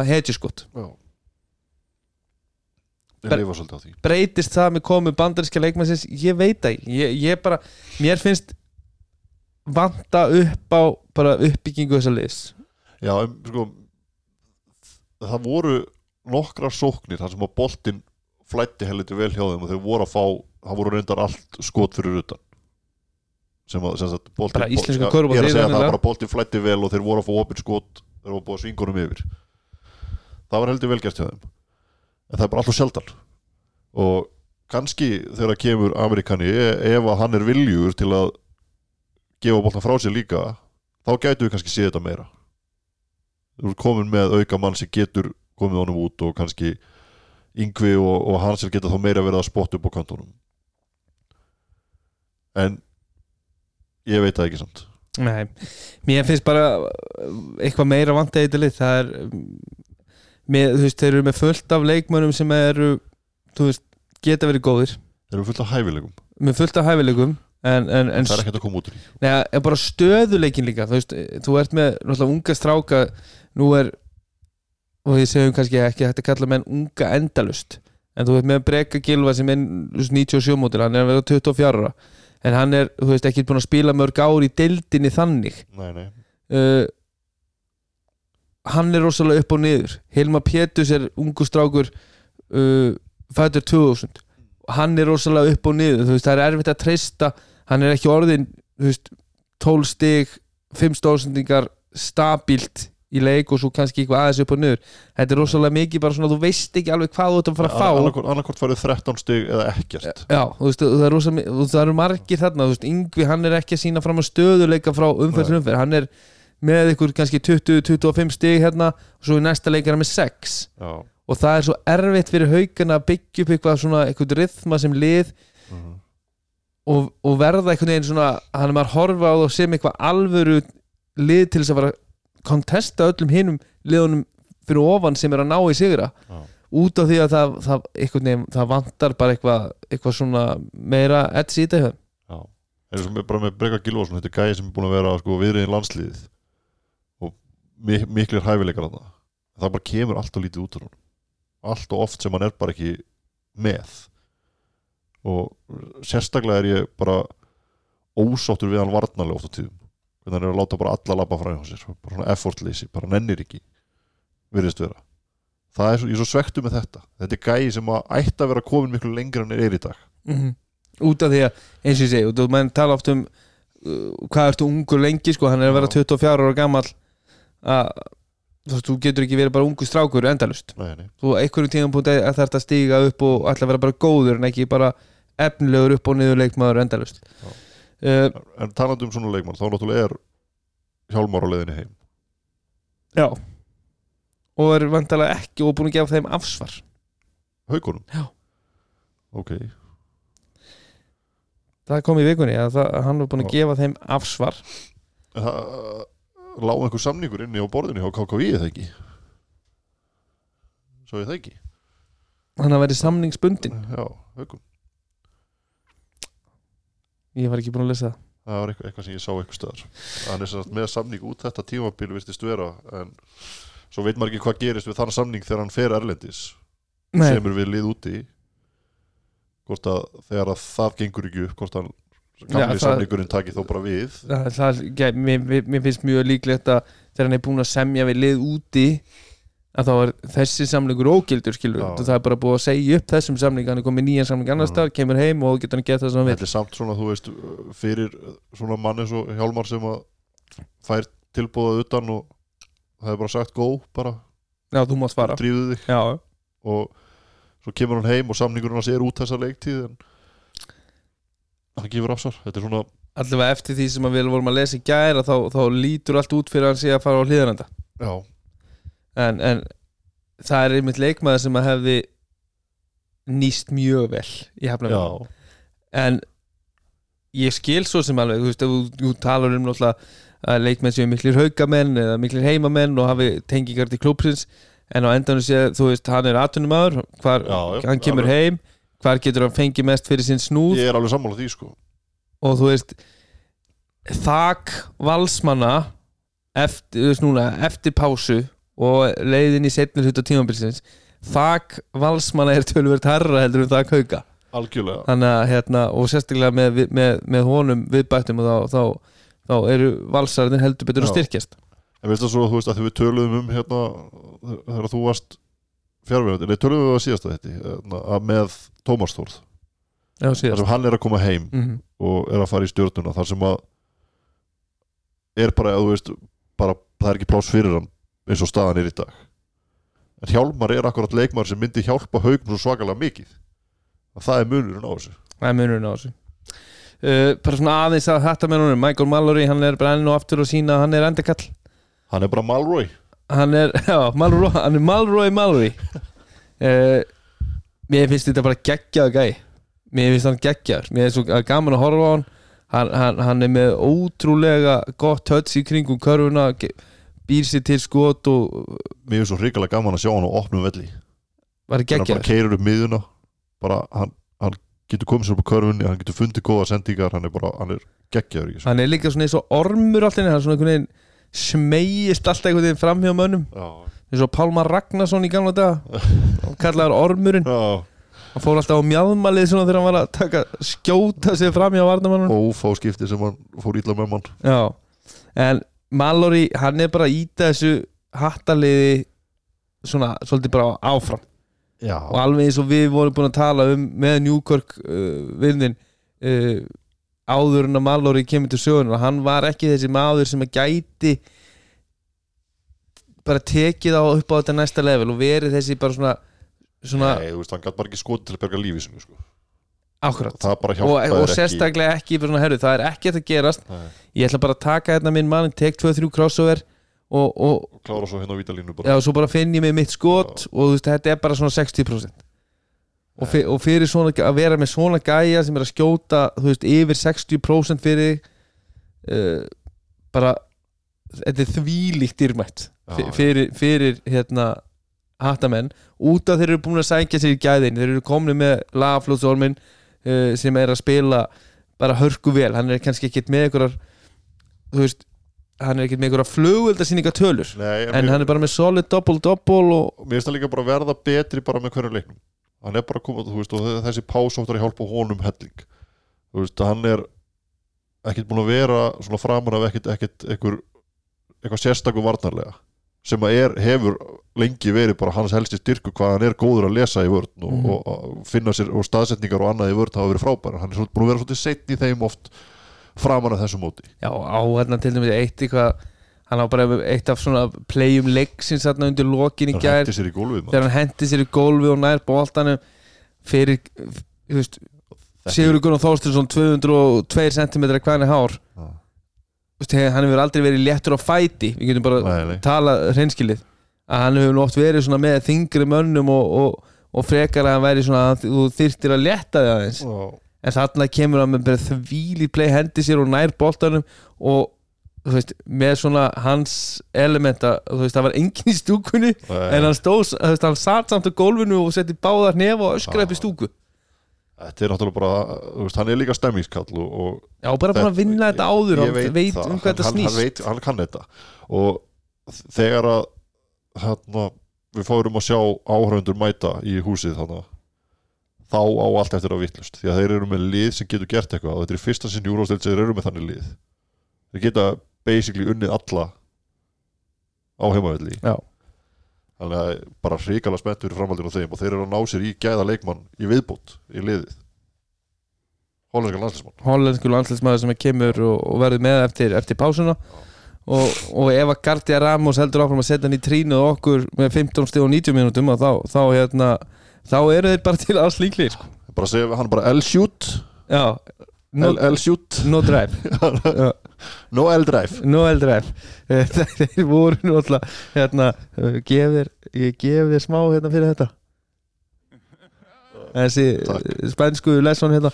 En, en hann var hann var flottur og ég hafði gaman að því að þeir félagarnir uh, Van Lú og, og, og Gardia Ramos voru mættir í, í viðtal hann og voru eitthvað tóku knú það saman. Já, tóku, tóku knúsið. Það er svona spænsk stemming yfir þessu. já, já, já. Herru, þá eru tvei leikir eftir. Við ætlum að byrja í, í primetime leiknum frá því gær. Það var K.R. Stjarnan. Og, og eftir umfjöldun okkur um þennan leik þá ætlum við að gefa hérna ný velun uh, nýr liður í þættinum með okkur, okkar nýju styrtaraðalum og, og, og, velurunum í Sintamani. Við ætlum að velja Sintamani leikmann vikunar Já, eða umferðarinnar já. það er úlpa umferðarinn Það er úlpa umferðan, við ætlum að gefa honum svona, svona Pepp. Þeoríska úlpu. Já. uh, en þetta ætlum við að gefa þeim leikmæni sem að við teljum hafa svona já, staðis, þessi þarf á, þarf á góður úlpa að halda. já, hann þarf að góður úlpu að halda og, og þarf svona að gera betur í Já, framhaldinu koma sér í smá hlíu og svona. Já, þannig að það, það er svona ný, ný, ný pæling hjá okkur og við, við höldum áfram með þetta en það, við veitum þessi velun eftir þennan leik. Já. Uh, Kávar einhvern veginn mæta á eldi heldur e, Það má segja það Það hefur verið svolítið svo leiðis Og þetta er þetta, er- Mér finnst þetta bara finnst þetta stór skemmtilegt líð Mér finnst geggja að horfa og þegar þetta gengur upp er þetta algjörlega magna Já, þegar þetta gengur upp Já. e, Þetta gekk ekki upp á mútið þó þólasur Við sáum Nei. það, þá, þá, þá, þá hérna misetnaðist þetta all svakalega. En þegar þetta gekk upp, eins og í gær að þá lítur þetta bara hrikalega skemmtilega og, og, gaman að horfa á og, og, mjög skemmt Já, gaman að sjá þetta út af því að þetta er bara Þetta er bara flugöldasýning En alveg eins og uh, ef að, ef að skotin eru ekki að detta. Alveg svo allar góða flugöldasýningar ef að flugöldin fari ekki á loft. Já, þá er það vond flugöldasýning Það er eins og það er. Eða þegar að gerast eins og í hérna, njárvíkjum árið þegar að sprunga allar í einu það var, það var mjög slæmt líka. Það er ekki alveg nóg gott uh, Stjarnan. Það er, það er eitthvað sem að svona þeir eru sko með við svona lið sem allir tala um að ég eiga að vera hérna upp á topp með, með Keflavík uh, þeir eru búin að sækja þennan bandaríkjamann sem við töluðum um brótiður, búin að vera að spila núna nokkra leiki, komin ætti að vera komin inn í þetta. En, en það er einhvern veginn eins og þeir, þeir taka flugelda síningu á móti Keflavík það sem er bara léttleikandi og, og, og það eru allir í hverju veistlu en svo svona inn á milli náðir ekki upp einhvern veginn bara sama leik. Það getur ekki bara sett bara í öllum öðrum leikjum. Já, þeir eiginlega hafa bara verið Já, bara í svona tætt í- leikjum bara og svo hefur það bara dott í restina hvorum með þess að dettur. Og já það er, ég, vil nú ekki setja neitt af þessu á hann Ajóð AJ, vinn minn. En ég held að hann sé bara að gera nákvæmlega það sem hann uh, á að gera og getur gert. En uh, það, þú veist ef, ef þú sækir þessa típa leikmanni þá, þá hlýtur að vera að ætast til þess að hann sé að gera þetta sem hann er að gera, eða ekki? Jú, þú veist bara hann er rosalega bara solid. Já, þetta er, ekki, þetta, er engin, þetta, þetta, þetta er engin snillingur. Nei, nei, hann er þú- góður í körfubólta bara solid í körfubolta og, og hérna bara með hörku svona touch við körfuna og þú veist, hann er þessi 7 af 8 inn í teg í þessu leik. Uh, en eins og ég segi þeir, þeir einhvern veginn ná þeir skora náttúrulega 91 stig. Já. og, og þeir auðvitað breyta þeir náttúrulega kannski þurfa þeir að breyta þess tempónu eftir hennan, hennan ömulega fyrsta leikluta þessum að, þessum að 31-13 Já. en í næstu tveimur leiklutum eftir bæði öðrum og þriðleikluta þá er þeir að skora 29 og 28 stig. Þeir eru að skora tæp 30 stig þarna tvisvar í röð uh, og vera svona og koma sér auðvitað þarna inn í leikin með sterkum þriðleikluta en það er bara eitthvað svona ég veit ekki það er eitthvað við bara hvernig þeir eru að spila sem að einhvern veginn er ekki að sannfæra við um að þú veist, út af því á, á svipuðum tíma auðvitað erum við aðeins fyrir sísónu þetta er öðruvísi sísón en á sama tíma fyrir árið síðan þá sáum við ekkert svo mörg lið fara þú veist, ég, mér fannst aldrei keflag verið að fara að vinna á, á þeim tímapunkti í fyrra, í seríu þá. Já. Já, en, en, en og mér fannst þeir bara, þeir voru búin að taka byggamestartitilin og mér fannst þetta þeir hefðu bara þurft að tapa þessu en mér finnst þeir einhvern veginn ekki vera komnir á, á, á, á um, sko, ekki, ekki einu sinni sko í bara sko námunda við þann stað sem þeir voru á í fyrra bara miða við í deildinni. Já nei ég get alveg tekið undir það. Ég bara uh, það er svona erfitt svona einhvern veginn að, að hvað sé það, svona finna hvað það er nákvæmlega sem er vandamálið. Það er bara já ég ég veit það ekki. Þú veist, ef, ef þú ferði gegnum þetta, þetta, þetta er frábær leikmannahópur. Við getum, það er bara eins og það er. Þetta er svo besti í deildinni.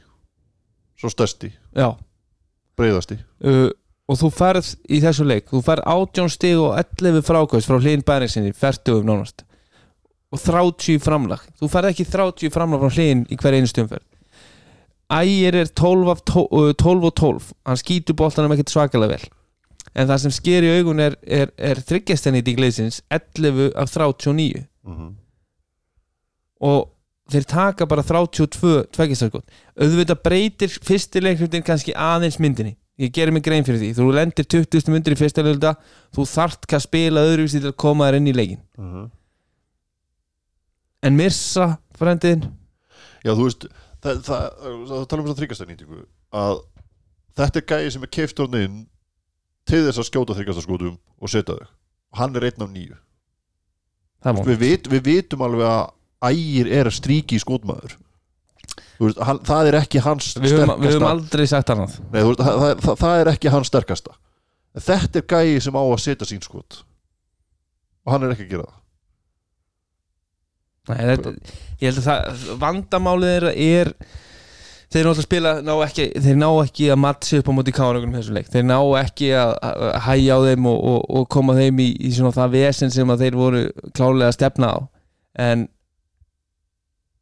heilt yfir þeir koma sér þetta inn í leikin aftur og, og ég var svona, þú veist, ég var að fylgjast með þessu leik að, að þá, þá átti svo sem alveg vona að þeir myndu klára hann uh, en ég gef orðinn mikið skítrættur um það. Já, þeir eru veist. voru bara komni með þetta niður í bara jafna leik þá, þá, þá einhvern veginn eru þeir, þeir taka þetta á lokaspettunum Nei. en K.R. sýnir náttúrulega ótrúlegan styrk. Og þetta er náttúrulega gæði í þessum leikmönnum og þetta, veist, það, það ertu líka með leikmenn sem kunni þetta. Þú að tala um að Siggi hefur gert þetta áður og kann þetta, veist, þannig eru leikmenn sem hafa farið langt og alla leiði jafnvel, Já, margir, margir. Margir. Já, það er svo sem ekki, ekki sama og hefur verið í gennum árin en þe- þessi, þetta, þetta know-how er aðna þannig að hrikalega stert hjá þeim að klára þennan leik. Og ef við hefðum verið byrjaðir með úlpugjöfina hérna í síðust umförum Já, þá hefði Brandon Nagioni hann hefði út hann hefði verið komið með nokkrar úlpur líklegast. Já, hann hefði mögulega verið komið með tvær já, til þess að hlýja sér. Já. En hann hann er hérna leitt ágætt út í gær. En, en það er samt alltaf eitthvað svona framan af eins og að það var eitthvað sem var, var að bögga mig við hann. En svo uh, tekur hann hann að valhoppið og leggur hann snirtilega í og stuttu setna og kvartar hann ekki nú vördin og hamrar þannig að hann hefur þetta. Hann hefur þetta og en skrokkurinn er ekki góður. Skrokkurinn er ekki góður. Hann er klárlega að jafna sig eftir þessi meðsli og en eins og eins og við höfum nú rættu marga þessum erlendu leikmunni sem eru að koma hérna, þetta eru flotti prófælar við horfum á Gí í Þóra Akureyri sem hefur spilað á háu leveli en er einhvern veginn ekki komið kannski í almennlan takt. Já, þessi gæði er náttúrulega að vinna sér tilbaka eftir einhver meðsli bara eins og Karvan, Endvon Karvan sem að setur hérna í fyrirháleika á, á veist, þetta er alltaf rosalega svona vandraðalegt það sem hann er að reyna og Já. þú, þú ert bara hvað ert að gera? Og hann er heppinn að fá villuna. Hann er ennþá heppinn að boltinn rætta á hann í körfuna. Hann er ekkert bara heppinn þar veist, þetta er bara þetta er eins og að vinna bara í Eurojackpot. Já, veist, þetta var alveg róðalegt Já. play. En hann fær, hann fær hérna 3 point play svona, svona já, hann bara vann stóra pottin. Káringarnir ég, ég segi sann sko þeir, þeir geta unnið stjörnuna svona í leik. Og, og þegar ég segi í leik að þá ef við færum okkur ykkur af mánuði fram í tíman ef að þessi lið myndu mætast í úrslutkefnir með leikmannahópana eins og þeir eru skipaðir í dag að þá held ég samt að stjarnan myndu á endanum taka þá serju já, í fimmleiki myndur alltaf vinna þrjá Já, ég held að það sé alveg staðfest uh, Hvað sérðu fyrir í, í, í vesturbærum Me- þeir eru búin að spila þetta small ball orðnir aðeins náttúrulega kröfturi með Nasióni sem er að spila 30 mínútur í þessu leik uh, Hvernig líst þér á framhaldi á þeim? Hvernig finnst þér hva, ef þú ert að fara að bæta við ykkur hva, hverju bætur við inn í þetta kálið? uh, ég myndi bara bæta við með öðrum bara svona hreifanlegum stórumanni ég myndi ekki fara í einhvern lurk. Ég held að það myndi alveg drepa á og ég held að þeir, ég satt að áður en að ég held að séu líklegri til að vin, vinna í þessu svona small ball systemi að hlaupa svolítið með kannski örlítið meiri kannski hæð í því heldur en er væri að fara út í einhvern lurk í tegnum. Já, ég held ég sé sammálaður. Og það, ég held að hjálpi þeim svo, þú veist, ef að þeir fá aðeins meiri pundi tegin fyrir svona úsliti kefnis köruboltan sem við, við þekkjum að, að þá held ég að það, það muni samt hjálpa þeim þessi, þetta hraðmót sem við erum búin að fara í gegnum það sem þeir eru búin að spila þennan smólból út af þeir hafa það vopp til þess að brjóta leikinu upp. Já, þeir hafa, þrúna, þeir hafa búið sér til svona identity sem á eftir að hjálpa þeim í framtíðinni til að byggja þóttir haldið sér ekki alveg í sama formatinu verði ekki alveg eins vildir Já, þá held ég að þeir séu líkleri til að vinna með nær þessu heldur en að fara í og, eitthvað og þú getur alveg farið í einhverja mínútur hér og þar uh, í leikjum þar sem þú getur sprengt leikin svolítið upp eða þú þarft á því að halda. Já, og, og þeir eru búin að sína að þeir eru hrikalega góður í. Og sérstaklega ef við horfum bara á þetta sísón svo sem ekki kannski með út af því að þú veist náttúrulega aldrei hvernig þessi liður eru mönnuð inn í framtíðina og þ- þeir eru með Tyler Sabin núna sem er hendar rosalega vel í þennan leikstíl og, og þeir eru með Matta og þeir eru með Koppa að spila veist, sem hefur búin að vera punkart öll þessi ár og hann er að spila einhver alltara stöðu þeir eru með Helga Max sem getur teikt á vellinum og skotið vel fyrir utan. Þannig að þeir eru með svona þessi og, og Brynja Björnsson þeir eru með fullt af þessum gæðin sem eru búin að horfa á í öllu sár vera að skjóta liði kaf. Að það sem er gaman að sjá er bara svona þeir, þeir ná inn á milli alveg frábæri boltarhengu það sem, það sem þeir eru að búa til skot fyrir einhvern annan, þeir eru að brjóta niður vörnina og, og, og það kemur sending út og jafnvel fyrir boltina síðan aftur inn og svo aftur út og svo kemur aukasendingin. Það er svo gaman að horfa þegar þeir, þegar þeir ná svona brjóta niður vörnina. Það er erfitt í, í 40 mínútur í hverja einstu umferð. Það er erfitt að gera það að ég held í gegnum heila serju í úslitukemni en að geta broti leikin svona upp inn á milli mun held ég vera þeirra styrkleiki uh, og þeir eru svo, svo gæl þeir eru með sjö menn sem að er að skjóta, er að skora yfir hérna tíu stygg já, þeir eru með 22 stóðsendingar það er betri en 11 stóðsendingarnar hjá, hjá, hjá haugamannum ef ég er ekki starfræðin svíkum ekki þá er það helmikið betra. Það er hel mikið betra, það er hárið rétt sér þannig að þetta, þetta er hérna jákvætt fyrir K.R. K.R. með risavaksin sigur núna fyrir þá inn í, inn í þetta breyk og, og hvað eru þeir? 6-4 Æ, ég held það, með 6-4 með, tó, með, tól, með 12 stig.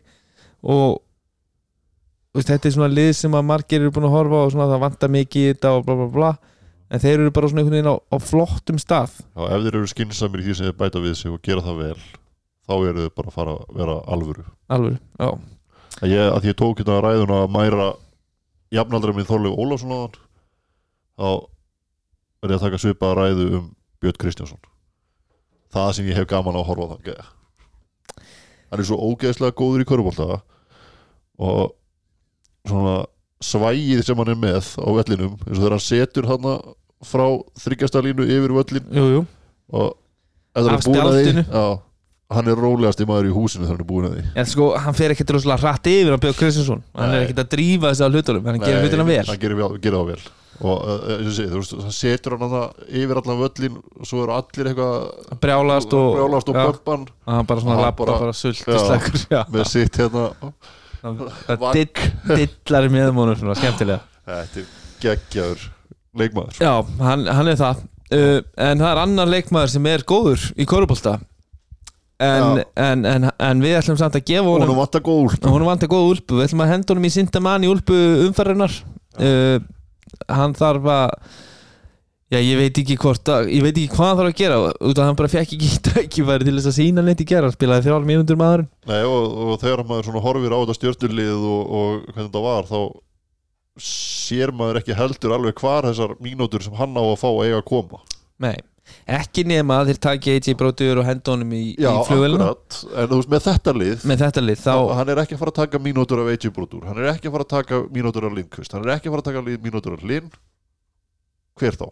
Já, og ef að, þú veist, eins og við vorum kannski að svona fabulera hérna um í, í síðastætti, ég kannski, þú veist, fekk hann bara mm, það staðfest áður en hann tekur ákveðum að mæta í stjórnuna að, herru, ef þú kemur þá fer AJ Brotur bara heim í pásinu og við fáum okkur inn annan mann sem er öðruvísi, bla bla bla bla. Að þá hefði ég samt líklegast talið að Tómas Þórður væri að fara að spila meira en þrjár mínútur og hans hlutverk myndi kannski stækka á kostnað bróður nákvæmlega. En við, við, við, erum eiginlega að henda þessir úlpu í hann bara fyrir þessa blessuðu ákvörun Þú veist, út af það eru Já, fleiri lið í, í þessari deild sem hefðu getað notað hann svo töluvert betur heldur til en dæmis liðið sem hann var að spila á móti í ger ja, sem dæmi. En þú veist, svo getur vel verið að þegar að við komum aftur eftir þetta þryggja mánu hlið eins og það virðist vera þetta er bara að spilast þétt að núna koma tvær vikur og, og manni finnst bara eins og það sé bara eilíð að e- að ef hann kemur tilbaka koma tilbaka til það og hann verður bara aðal maðurinn og farin að gera fullt af hlutum þá bara geti þetta allt en í dag þá lítur þessi ákvörðun út fyrir mér bara eins og bara þægilegasta múfi sem hann gætt ja, farið í. þetta var rosa cozy move. Bara minnst ábyrð þægilegt að vera heima. Ég leiti að fara að challengea mig á mikið. Búin að vera í sólinu og síastun á spáni. Bara hverjar úlpu verði já, en ef þú út af því að við, við vorum að horfa á, á hérna kallalandslið okkar um daginn og veist, og hann var bara inn á í landsleik. Já. Og hann var bara að spila hlutverk í landsleik með A-landslið Íslands. Svo kemur hann heim. Ég veit að hann er ný komin og allt það en hann er samt búin að vera að náður með sama þjálfari með sama kjarnarleikmunum uh, þetta er ekkert nýtt. Og hann spila þrjálmyndur það er áhugjöfni fyrir hann allavega þannig að við, við sjáum hvað hva, hva gerist. Og svo er þetta ágefnið líka þú veist eins og þú segir að, að AJ Brodur var ennþá að spila sína mínútur. Já. Þannig að hvort að þeir séu eitthvað að breyta til maður, maður, það verður bara fróðult að fylgjast með. Já, já, ég bara vona það að það hafi verið sagt, á, ástæðan fyrir þessari ákvörun hans hafi verið einhver svoleiðis lofvorð já, en, en, en, ekki bara taka þægilegast á múfið en, en við, við vonum bara líka rafræna sindamanni úrbann hlíjónum og, og, og hérna, hjálpa honum að komast yfir hann að hjalla. Já, það er eins og það er. Yes. Uh, þá er það síðasti leikur umfærunar það var uh, beint úr ljónagreifinni og svona til að kannski að byrja umfjöllur um það leik. Karl Fæði minn, Erlingur Hannesson hann var mættur á mikrofónin og, og kynnti liðin og, og, og svo hérna myndist hann Láru Ingimundudóttur já, og við, við hérna ætlum að minnast hennar einnig hér á endalírinni en þá hún það skilið. Já. Það verið tómlegt að koma í ljónagrifina ánuna núna Já, heldur betur. Því líkur því líkur einstök bara persóna sem að Lára var og, og hérna kannski fólk úr öðrum liðum sem er kannski ekki le svona leikminna þjálfarar margir þekkja hann ekki. En, en, en, almenni áhrifandi þekkir hann kannski ekki en, Nei. en, hún, hún er búin að starfa sem sjálfbáli hjá ungminnafélaginu bara frá því að ég var pínlið strákur. Já, já. Alltaf gaman að hitta hana og taka spjallið við hana. Já, hennar verið sárt saknað og, og hennar var minnst í, í, í kvöld og, og hérna græna hálkollan, hún var á sínum stað. Já, og eins og þegar ég var að spila sjálfur fyrir ungminnafélagið að, að þegar græna hálkollan var í húsinu þá kom Sigur og það var Sigur í kvöld. Heldur betur Eftir erfiða tíma. Eftir er, þrjá erfiða leiki maður, uss. En þeir mættu í kvöld. Já, bara frá upphafi.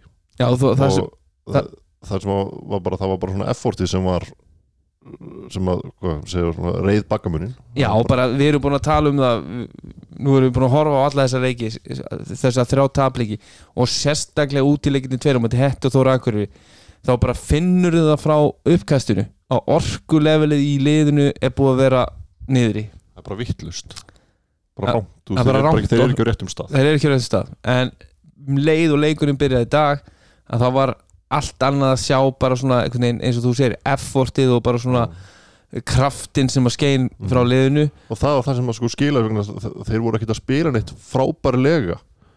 Þetta var ekkit frábær sóknarleikur eða frábær varnarleik Þeir voru bara að leggja sér fram og það bara gerir svo ótrúlega mikið ná strax náttúrulega smá fórustu sem að Já. hjálpar. Já, uh, í er einhvern náttúrulega byrjuði 0 af 8 Já, fengu, náttúrulega bara- fengu góð skot en bara hittu Já, ekkert bara gamla góða kryptonætið sem Reykjanesbrutin er.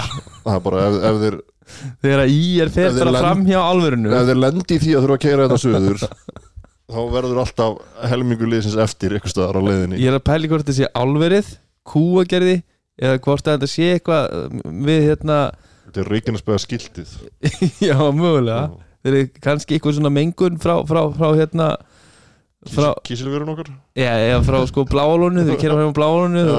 þeir svona verði eitthvað Já, gæti við þeir villast eitthvað allavega Það þeir eru komað það þetta sögum sjó eitthvað sem er ekki að hjálpa þeim á leiðin Nei, þeir, þeir, þeir, eru- þeir eru ekkert mjög að líta rosalega vel út hérna þessi síðustu tvö ár. Jésús Þetta er bara vandræðilegt Já, en Kyle Johnson hann var ekki góður í fyrsta leik nýmættur og, og, og hent beint í rút og akkurýri uh, en hann mætti kvöld. Hann mætti kvöld. Já, Er þetta ekki bara annar af bestu leikjunum hans sem við höfum séð á Íslandi? uh, hann var náttúrulega öðruvísi fyrra í náttúrulega Já. rosalega góðu stjórnuliði en, en, en hann átti nokkra leiki samt uh, í, í deildinni og, og svo var hann alg- algjörlega stórkostlegur í byggjúrsluleiknum já, já þeir eru að segja að þrá leikur er líklega sá besti sem hann er á. Já, og svo þessi í kvöld myndi ég halda að væri jafnvel nummer tvö. Ekki sammála. Nei, sko, veist, svona tölfræðilega og þetta lítur alveg vel út og hann er að skjóta ágætlega að skora 25 stíð, 10 frákost mm. uh, Ég er að segja bara framlæði, þú veist, eins og ha- oft í fyrir að fannst mann svolítið svona týndur í stjórnulegðinu Já, hann alltaf bara þurfti ekki að gera Nei. mikið en, en, en ég, það, ég var ánæður að sjá líka og hann held í áfram svona kannski svona þegar leikunum var að svona klárast endirinn á þessu leik var náttúrulega alveg stór furðulegur en hann tók, hann tók hann er frá svona sirpu þar sem hann setti held í ykkur tíu stig á mjög stöðum tíma, tvo þrista og, og, og tvis og sinni meila bara svona coast to coast þar sem hann feð bara og, og, og feð bara stert upp á körun og klárar. Já, og hann er bara með rosa gæði og styrkir róteringuna í njárvíkuleginu uh, mjög mikið. Uh, Írlið þeir, þeir voru náttúrulega svolítið veist, þeir eru í þessum svona streetball bolta, þeir enda rosalega mikið í einn og einn situationi að reyna að búa til skot. Þú veist, ég held að það hef, það hef verið betra fyrir þá þeir voru mikið að leita af præjur inn á blokkinu. Og það fannst mér ganga vel. Já, já, já, já. Þa- Þannig. Að mér finnst alltaf að þú veist mér, mér fannst oftar en ekki var, ég svona var hann að ná að, að skora eða búa til eitthvað svona, þar sem ég var svona veist, Það er alveg mest, mesti struktúrin sem við sjáum frá þeim er þegar þeir gera það. Já. Uh, þegar hann var að fá boltan eins og hérna í fyriráleik var hann að fá hann eitthvað upp á þryggjastelín og taka þessi svona veist, hann er ekki með mjög smúð hreyfingar og hann er að taka Nei. þessi crossover sín og, og, og, og, svo, svo hann svona, fer hann svolítið svona styrt upp í skot.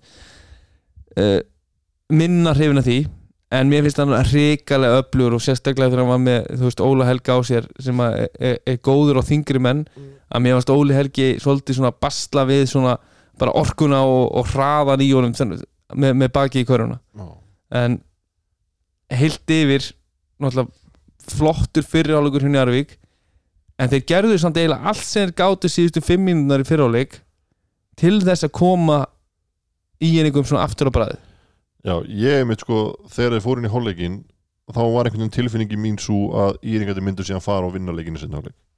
Bara út af því að Njarðingandi bara hliftuðu inn í leikin þeir áttu sko þeir áttu alls ekkert skilið að vera inn í leiknum Nei. eins og voru að spila. Og ég held bara einhvern veginn að Borsi myndi ná að, að koma þeim í, í það að þeir myndi bara fara út í setjárleikin og vinna leikin en þeir komu bara alveg jafnflatir Já, fyrir utan fyrstu körfuna hjá sem að þeir komið sem eru nýju stig hérna með körfu frá Singletary. Já, en eftir það bara svona komin Njarvík með annað högg og, og, og það eftir það var þetta fannst mér búið. búið. En, en, en Njarvíkandir voru þú veist, svona ákvörðunatökur sérstaklega sóknarlega hjá Njarvík síðustu fimminnar í fyriráleik uh, er eitthvað sem það þarf að bæta. Og, og mér finnst þeir eftir að hafa náð upp svolítið góðum sóknarleik og þeir skora þetta tæp 50 stig mm. að, að þá koma margar sóknir þar sem að Jón Rótnar er svolítið mikið að dreipla og, og þú veist að, það, það er eins og það sé ekkert í gangi. Þú veist hvað ætli það að gera í þessari possession? Og hann er að dreipla og svo voru þið bara að taka vittlisar ákvarðanir. Þeir á einu tíum búti skoppa boltinn og, og Kyle Johnson er nýbúin að setja hann. Og, bolt, og þeir, hann skoppar einhvern veginn til Njarvíkings og Kyle Johnson er við hliðin á þér galopin og nýbúin að setja hann en þá fór einhver annar í skotið. Eða eh, Jón Arnar fór í einhvern svona flóter í stæðan fyrir að gefa hann út þá tók hann eitt drippl og fór í flóter yfir tækjametra menn og klikkar. Það sama svona, svona kæruleysi Jón Arnar hefði getað rétt boltan á, á Hester inn í miðjum tegnum örögt tvö stig en ákvað að gefa ykkur gólsendingunir og beislan og hann enda út af. Mm. það var svona þú veist, þegar voru svo auðveldir möguleikar í bóði að þá voru þeir bara þú veist, að berjast við að taka erfiðar ákvarðinir og Já. erfiðar sendingar Mhm. og ef þeir voru með tvo opna þá voru þeir þarna á þessum tímumpunkt í leiknum að gefa út á vitlausamann Mm. en svo þessum tímúti þá er þetta svona það sem að það sem að Jón Árnum vantar í viðbót er þessi að taka réttar ákvarðanir á réttum tíma já, og hann vill ótt fara í það þegar þú veist svona kannski er gaman, gengur vel að fara að reyna erfiða möguleikan akkurat. Taka svolítið svona fancy sendingu í staðin fyrir að gera og þetta. bara síðasta sókn leiksins uh, hjá Njarvík var svona gott dæmi um þetta að þú veist það var bara rosalega mikið dreipl og gerðist ekkert og endar í svona svolítið erfiðum hlutum. Já. og mér finnst þetta svona þú veist, til þess að komast lengra og geta keft við bestu liðin til þess að geta unni liðin eins og Keflæk, Stjörnuna og þessi lið sem við tölum um að séu best að þá þurfa þær að hafa tölvert færri svona moment í leikjum Já. þar sem að þeir virða svolítið ráðviltir og það gerist ekkert nokkra sóknir í Já. uh, Mario Matusovits hann ætlar að mæta þetta til okkur eftir smá. Uh, hún var bara hent á bekkin já, góð ákvörður, já. Af hverju ekki, ákvörður veist, ekki? bara, veist, við sáum þetta með Magic í fyrra. Já, veist, þetta er bara fyrir góða leikmenn þá er að koma að bekknum ekkert verra. Nei nú, hann, hann kemur á bekknu spila samt 27 mínútur.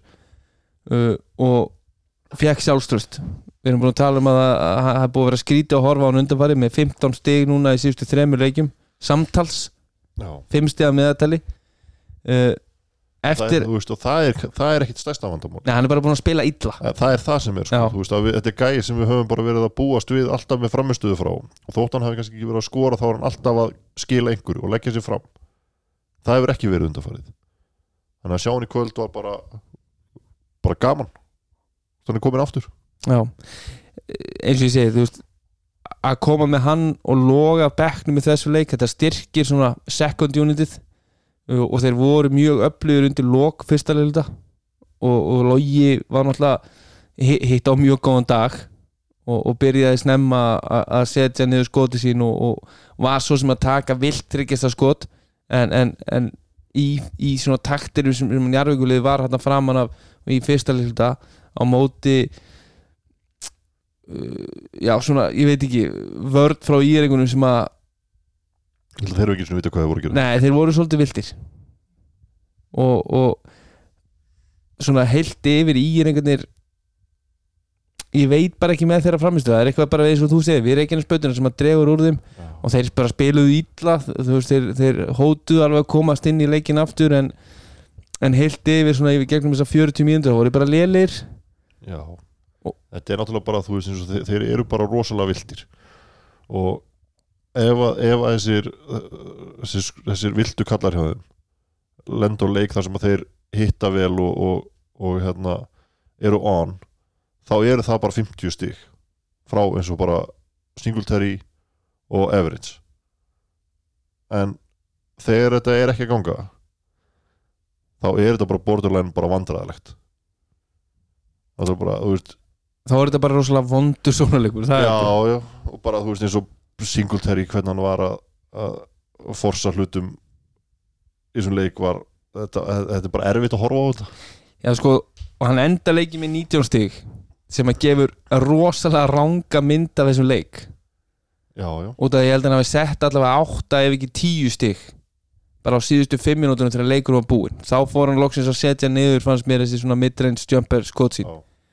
uh, en fram að því í leiknum var hann búinn að hita ömulega og var að sætta sig við náttúrulega mikið af erfiðum skotum. Hann var að, veist, niður í hotni einhvern veginn ekkert að gerast og hann tekur svona lítið jabstep inn og, og svo bara er hann að plaffa. Já. og þeir, þeir eru að skjóta bara svo mikið af svona skotu bara upp úr engu. Enda, hvað, þeir eru þú veist, 44% í leiknum með, með 14% tryggistarnýtingu og það eru fálið í efstil kalla á Íslandi sem að vinna leiki eða skjóta 14% af tryggistarlinni rétt. Ég held að bara sé ekkert lið. Uh, Hestarinn hva, hvernig fannst þér Hestarinn? Þú ert nú búin að vera mikill Hester maður The Big Hes Já, já, þetta er flottuleik maður hérna, það kannski reyndi ekkit á það sem hann hefur kannski ekki verið að gera. Vartarleikur hans hefur ekki verið til útflutnings? Nei, mér, mér fannst ég samt sjá það alveg í dag að það vantar stundum svona, svona sense of urgency í, í, í varnaríkinn hans. Hann er svolítið stundum svona einhvern veginn úr stöðu og, og, og tindur. Og, og svo allt eru kíkjana fyrir aftan sig og herðu bara, ah, herðu er bara bara maður farin og í já. Hann, já, hann, hann er einhvern veginn upptekinn af vitlausum hlutum. Ég veit, ég veit ekki hvað það er sem hann er upptekinn af ekki þetta fólki í stúkunni. Nei, ekki það Já. er fólki. það er enginn, nema kannski Aggi sé að heillan, já, ammælisbætt dagsins. Það eitthvað dagsins. Já. uh, Nei, sko, eins og ég segi mér, hann, til þess að Njarvík ná að stíga þessi næstu skref uh, sem að þeir stefna á að- að þá þarf hann að verða svona bara meira smart varnarlega heilt yfir uh, í þessum leik sem þú veist, þeir skora náttúrulega 96 stig og, og margir innvalveraðir og, og þeir gerðu ákveðlega að loka á hann. Og mér finnst ekkert áhugjefni þó að hann skori bara nýju stig þegar, þeir skora tæplega 100 stig. Nei, nei, á meðan hann frákastar vel hann, og ef hann bætir varnarleikin já, varnarleikurinn er það sem ég hef mestar áhugjur ég er alveg sammála því. Já, en, en hann er rosalega sérstaklega í þessum hraða leik og þú sást leikin í byrjun að ég er veginn voru að leitast mikið eftir svona transition möguleikum og, og, og þá er hann að koma síðan tilbaka og þó hann hafi stundum ekki verið í svolítið svona erfiðri frákasta stöðu þá er hann bara það stór og sterkur að hann var að taka mikið af frákustum svona bara eiginlega frá þeim. Já, svona frákustum hefðu auðveldlega þú veist að þú ert ekki með hestir hérna að svífa yfir þig þá hefði þetta bara endað í bara svona putback layupum og tvöst í andliti þannig að hann var að taka svolítið mikið af þeim möguleikum í burtu frá jöringunum út af þeir voru að klikka mikið af sko svona bara dræfum og erf, erfiðum skotum í ykkur svona half open hraðaplöpum. Já, en ég veit ekki sko fyrir, fyrir þetta ílið haldandi áfram uh, Svanko kemur inn og þú veist, hann setur og er stígaðistur hjá þeim en hann, já, einhvern veginn allt í hennu komin í 21 stík já, en þú veist, það er einhvern veginn þetta er ekki það sem þú myndir segja svona bortse svona struktúr.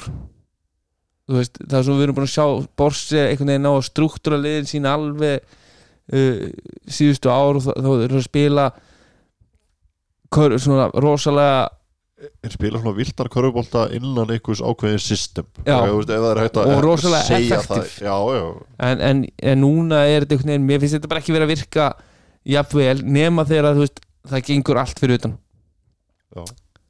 en þegar þeir hitta 3 og 14 þá lítur þetta bara ítl út þannig að ég veit eins og ég segi það, það er, verður frólægt að sjá hvað þeir gera, við vitum þeir eru með sóknar power en, en. Þeir, þeir, mér finnst þeir þurfa að hafa einhver aðra lausn heldur en bara einn og einn fyrir utan þryggjastælinu Já, og ef að Svokko ætla líka að bætast í þann pakka að fara bara einn og einn þaðan eins og hann viðist svona að sætta sig við oft. Já, Það- þeir verðast að leggja eitt, eitt playið hjá þeim sem þeir gerðu nokkuð oft að þá kemur bara svona lítið svona exchange screen á milli fjark og fimmu, Sonko kemur út fyrir og fær hann. Uh, og hann leysir í gegn hérna singletýri leysir í gegn af topnum og svo kemur eiginlega bara and roll fyrir Sonko af þryggjastellunni Já.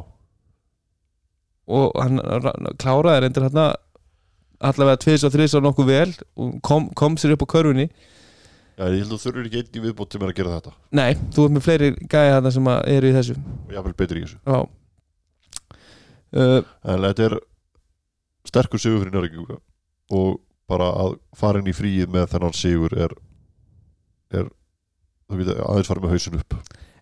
Ég held að það sé kannski mikilvægast að þessu öllu saman. E- eftir á að þessi sigur á þessum tímapunkti það var mjög þungt og, og, og bara yfir allri umræðum njárvíkuliði síðustu núna vikuna að það var búið að vera mjög þungt yfir allri umræðinu eftir núna þrjá tablíkir röð. Að, að þá var þetta alveg risavaksið held ég bara fyrir, fyrir Sjálfstraustið og vera sjálfstöðstu á, á leiðin inn í þessa, þessa pásu að taka líka að taka örugan sigur með góðri spilamennsku Já. svona rétt, nú er hérna gesturinn okkar mættur Mario Matasovits hann er, er að koma sér fyrir. En áður en að við, við hérna spöllum við hann að þá ég sérstaklega minnast á síðustu þrjár myndan í þessu leik. Það síðustu þrjár eða fjóra myndan í þessu leik eru mögulega bara eitthvað það vandrarlegasta sem ég séð í íslenskum korfbólta held ég í langan langan tíma. Þessi leikur hann fó bara út í einhver algjör af vittlisu þetta var bara eins og vondur leikur í annar til kalla hann að síðustu Já. Ég veit bara stóð upp hann og, og fór og sótti með disk og ég bara spyr bara hvað, hvað var að gerast? Út af það er svo það er svo að förðulega við þetta það, voru allir einhvern veginn bara hættir. Í einhvern veginn stóðu bara svona einhvers staðar bara svona strjáli einhvers staðar út um allt þeir voru eitthvað að reyna að pressa og Njarvík kom sér í nú eitthvað vandræði þú veist með einhverjum erfiðum sendingum en svo ef sendingin kom á miðuna þá bara engin í ykkur og þá bara einhver leið bara galopin leiðjobb og svo bara eitthvað svona vilt skot og þetta gekk einhvern veginn svona í þessar síðustu mínútur. En svo allt í einu þegar ein sekundu var eftir þá var þetta allt í einu sjúklega mikilvægt og bara tekið leikli Herru, við erum að pæla í þessum stigamununa þú veist ef þú ert að pæla í þessum stigamun þá hefði þið tekið leikli sko þegar það voru fjóra myndur eftir að herru, stáka, við ætlum að halda áfram út 40 myndur út af því að það voru þrjár fjóra mínútur sem að það var bara eitthvað algjör vittlisa að gerast. Já, þetta er eitthvað svona tók þetta leiklega þegar það þurfti þess. Þú skilur þú veist að hún fannst að vera rétta í stöðunni Já, þótt, þótt að þessi tíma undan hafi verið eins og hann var. Já, það er bara svo leis Borsi, Borsi náttúrulega talar um í viðtalið til leika um tóngjæsluna Já, og hún var ekki að, að sagt, munur og liðunum í dag. Nei, hún var ekki mununulegurum í dag. En hún var ekki góð. Ég held að við getum alveg verið sammelst um það að hún var ekki góð. Og bara sem dæmi þá, þá fær Daniel og Tómas tvær villur í uppáfleiks uh, í bæði skiptum fyrir baróttu í sónhaflöfsti og Já, ef að þetta eru villur að þá erum við bara komin í heldur mikið bastl í bara kaurubólta samfélaginu Já. þá er verður ekki leikmenn til að spila þá held ég sko. að okkar bestu leikmenn séu ekki að fara að spila mikla mín, marga mínútur. Nei, til dæmis svo Dominika Smilka. Þú sko það er bara, þú veist. Dóminans Milka fær, myndi fá tíu villur í leik já, ef, að ef að þetta voru villur á, á, á Daniel og Tómas og það er eiginlega hvorugt mó- mómentið þegar hann fær fyrst og aðra villuna það er bara algjörlega upp af leiksins. Að hvorugt mómentið fannst mér vera villa. Nei, alveg sammála því. Þannig að ég, eins og ég sagði það ég held að hafi bara allir gott að að taka pásu. fara sem á pásu. Já. koma endunarðir endur nærðir. Eftir, eftir nokkra uh, já, hvað hva er það, vikur. Þetta Rétt. eru 14 dagar eða ekki? Já, það eru bara se- 16 dagar segi ég. já, 16 dagar. 12 í dag 28. byrjuðu aftur full force. Full force. Með Herðu, öll lið fullmönnuð og já, þá byrja veistla já, þá byrja þá veistla getum við fara að rýna eitthvað meir í þetta. Já, þá voru þetta svona að fara að líti út eins og og glukkin að loka og voru hægt að fljótlega í mars við, getum við sagt einhver hverju við Íslandsmeistarar. Það er bara svo við vitum það. Ha. við ætlum að býða bara í nokkur dag til að sjá bara aðeins fyrstu breytingar en svo getum við sagt ykkur frá því. Já, en við erum komið gæst já. Uh, Mario Matasovits welcome to the White Fox Lounge uh, at endalínan. Do you know how to say endalínan? Já, endalínan. Já, já, já. You have the experience. Uh, great win for you guys tonight. Thank you. Uh, good to bounce back before the break. Mm uh, you have been like kind of uh, talked about a lot in the media and, and on, on social media for people who watch the league people have been wondering where where where, where Mario went uh, for the last three games. Uh, I, I meet you almost daily and you, you have told me that they, some of these were your worst games in the Njarvík Mhm. uniform. Uh, what, what kind of happens there? Do, what affects this and, and is the reasoning for this? Is it just uh, one of those weeks that three games in a week time or is the uh, too many games in a short time? Are you tired? Uh, Well, I mean, I think it's kind of it's kind of hard to to tell what the reason is for this because if I knew what the reason was, it probably wouldn't happen.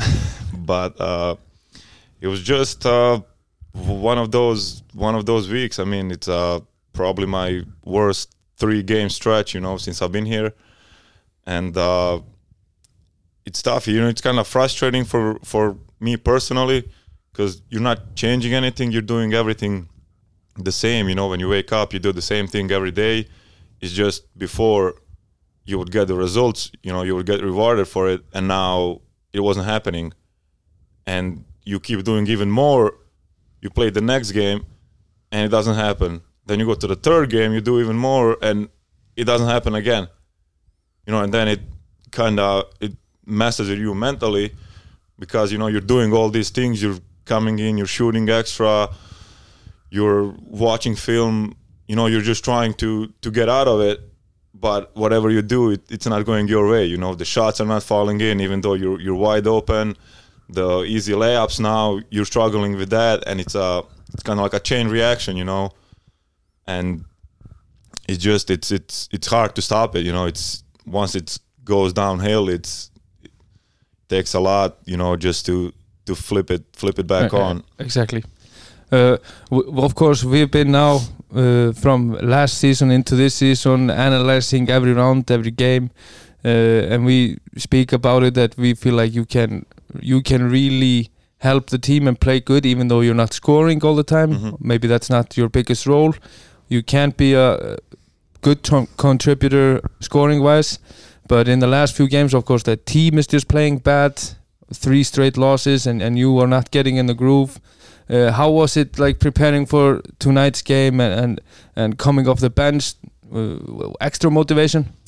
Uh, well, first of all, that's another thing. You know, the the team is playing bad, and then you're playing bad.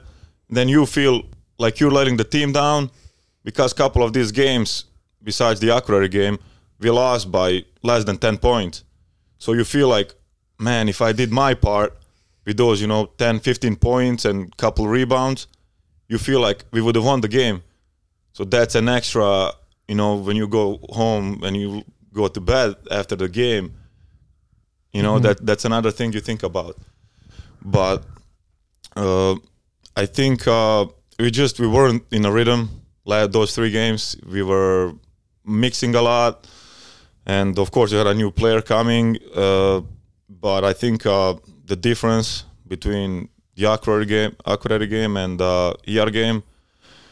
We just i mean the Akureyri was rock bottom you know. After that it was the only way was up. So we so we started we changed it in in practice on on monday monday tuesday you know we had a two really good hard practices. We keep up we picked up the tempo we picked up the intensity.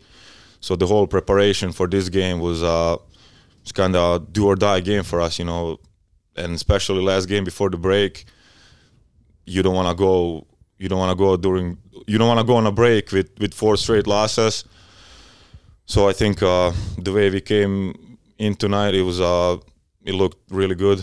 And uh, coming off the bench, I mean, uh, for me, I don't. That doesn't change anything for me, honestly. You know, like when I was talking to to Einar, you know, I just told him at this point, you know, just I'll do whatever you need me to do. You know, if I need to play 10 minutes, 20, 30, if I need to come off the bench, you know, whatever you need me to do, I'll, you know, I'll be ready. Of course, we have some more depth in the team now with uh, the addition of Kyle. Mm-hmm. Uh, but you coming off the bench, you still play 27 minutes, uh, and that's for I tell my players, and uh, I, we talk about for youth players, they are so focused on starting lineup. Mhm. I don't really don't think it, it really matters. But you come into the game, and, and how important is it for you? Uh, you get an early drive with a reverse layup, and then the assist from Johnny for the dunk. Uh, was it just immediately just you felt the icebreaker kind of thing, and of course the team playing uh, way better than in the previous games? Uh, well, to start with, I had a great feeling about this game just from from the practice and the the conversations we had after the last game. So everything was kind of leading up to, I want to say, to us having a good game. You know, having a good response in comparison to other games. And uh, I mean, I agree with you with with the thing about starting the games, but I mean, I just tried to find myself in the do my role the, as best as I can, you know, and you know it's not always score, sc- scoring, so I always try at least you know bring the energy, get the rebounds, you know, be the first guy on the floor for the loose balls, just kind of do as best as you can, if if you don't have to score, and uh, I mean coming off the bench, you know, there was no extra motivation, you know, you always want to do your best, so it's kind of just brings more more firepower. You know, if you look at it, maybe some of the guys on the other team are tired by then, and then you're coming in fresh. You know, like tonight, me and Loy, you know, coming in, replacing some guys, and you just, I think we both brought some firepower, and uh, I think it showed on the score. Exactly. Uh, of course, last season ending uh, short, the season cancelled, and then the summer in a way a little bit weird. Not what we would say traditional for basketball players. How you prepare for a season, and then coming in uh, in the fall, and then of course the thing uh, the season goes on pause again, and the the gyms are closed. You've been here the entire time. Uh, how is it for just players and, teams to get ready uh, for this season with the small window of practicing and then starting with nine games in uh, one month? Yeah, I mean it's been a very unusual season to say because there was a feel there was a lot of uncertainty, especially in the in the fall. You know, uh, all the teams, you know, they're bringing their players, their imports. You're practicing, then you're not practicing. Uh, then you know you're kind of living week to week, just waiting to hear from the authorities if you're allowed to go to the gym, to the weight room, are you gonna be in groups? You know what what you will be allowed to do. And then of course uh, when we had the the long break, most of the teams uh, kind of send their foreigners home. Now season is starting again. Everybody's bringing new foreigners mostly, so it's kind of it's there was a lot of you know mixing, and uh, of course season finally started, and I think everybody is is happy about it, and especially the two games per week. Honestly, I mean, for me, I kind of like it too, because uh, it's just. I mean, of course, it's more fun to play than practice. So But you you talked about this week at practice, and you played Sunday, Friday. mhm. So there's a little bit more room for practice there. You could maybe get more uh, action in the practices. Those, like you said, the first two days, Monday, uh, Tuesday. yeah, for So sure. I that, mean, that helps, especially when you've been losing games. for sure. I mean, just getting that extra day of practice in in this schedule it means a lot.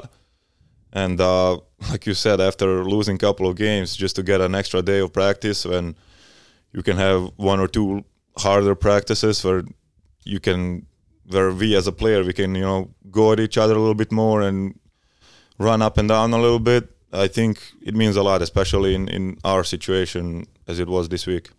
Of course, you you guys get Hester in late, and he basically comes in when the, when the games have started, and and you've been playing back to back games throughout the entire time he's been here. Uh, in the media, they they talk about uh, with your uh, basically type of players Mhm. as a four and five that w- fit perfectly together. If you would find a five and a four, uh, this is a the five and four that you kind of say this is Mhm. a perfect fit. Uh, do you think uh, now getting a break is going to be helping you guys to kind of connect more? Uh, I think so. I think the break is going to be great for us because, I mean, like you said, we got Hester, you know, uh, right before the first game, and Jon Arnor was not there. You know, he came right before the first game, and it's it's hard to get a team, you know, gel together if you cannot practice hard and and get at each other, because in with playing so many games in a short period, you know, practices you mostly it's easier practices, shoot arounds, things like that. So it's kind of hard to get the players, you know, on the same team and you know you get a feel for each other and for each other movements and how to play off each other. You know, especially someone like Hester who's has the ball a lot, you know, on the post and attracts a lot of attention. He's a great player in this league and attracts a lot of attention. So you know, for for example, for me and him, you know, just to get a feel for each other and and who does what and you know how to how to read each other. And of course, now getting Kyle, you know, also, you know, you're in quarantine for five six days and then you're thrown right into a fire in a game the next day.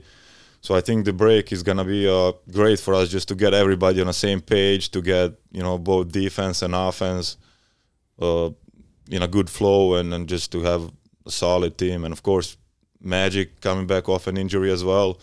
So I think for us the the break will will come in handy for sure. Exactly. Uh, now uh, almost to a half of a season. Uh, so you got the second part left. Of course, the cup coming in then in April, Mhm. and and uh, uh, like, how do you see the rest of the season? How do you feel about the team and and, and lo- like your chances going into the second half? Uh, I feel great about this team, especially now, especially when we get everybody, like I said, on the same page and back from injuries and all that. I think uh, once we click together, uh, I'm not worried about about us as a team. So I think uh, even these three losses, yeah, they are bad, and then all that.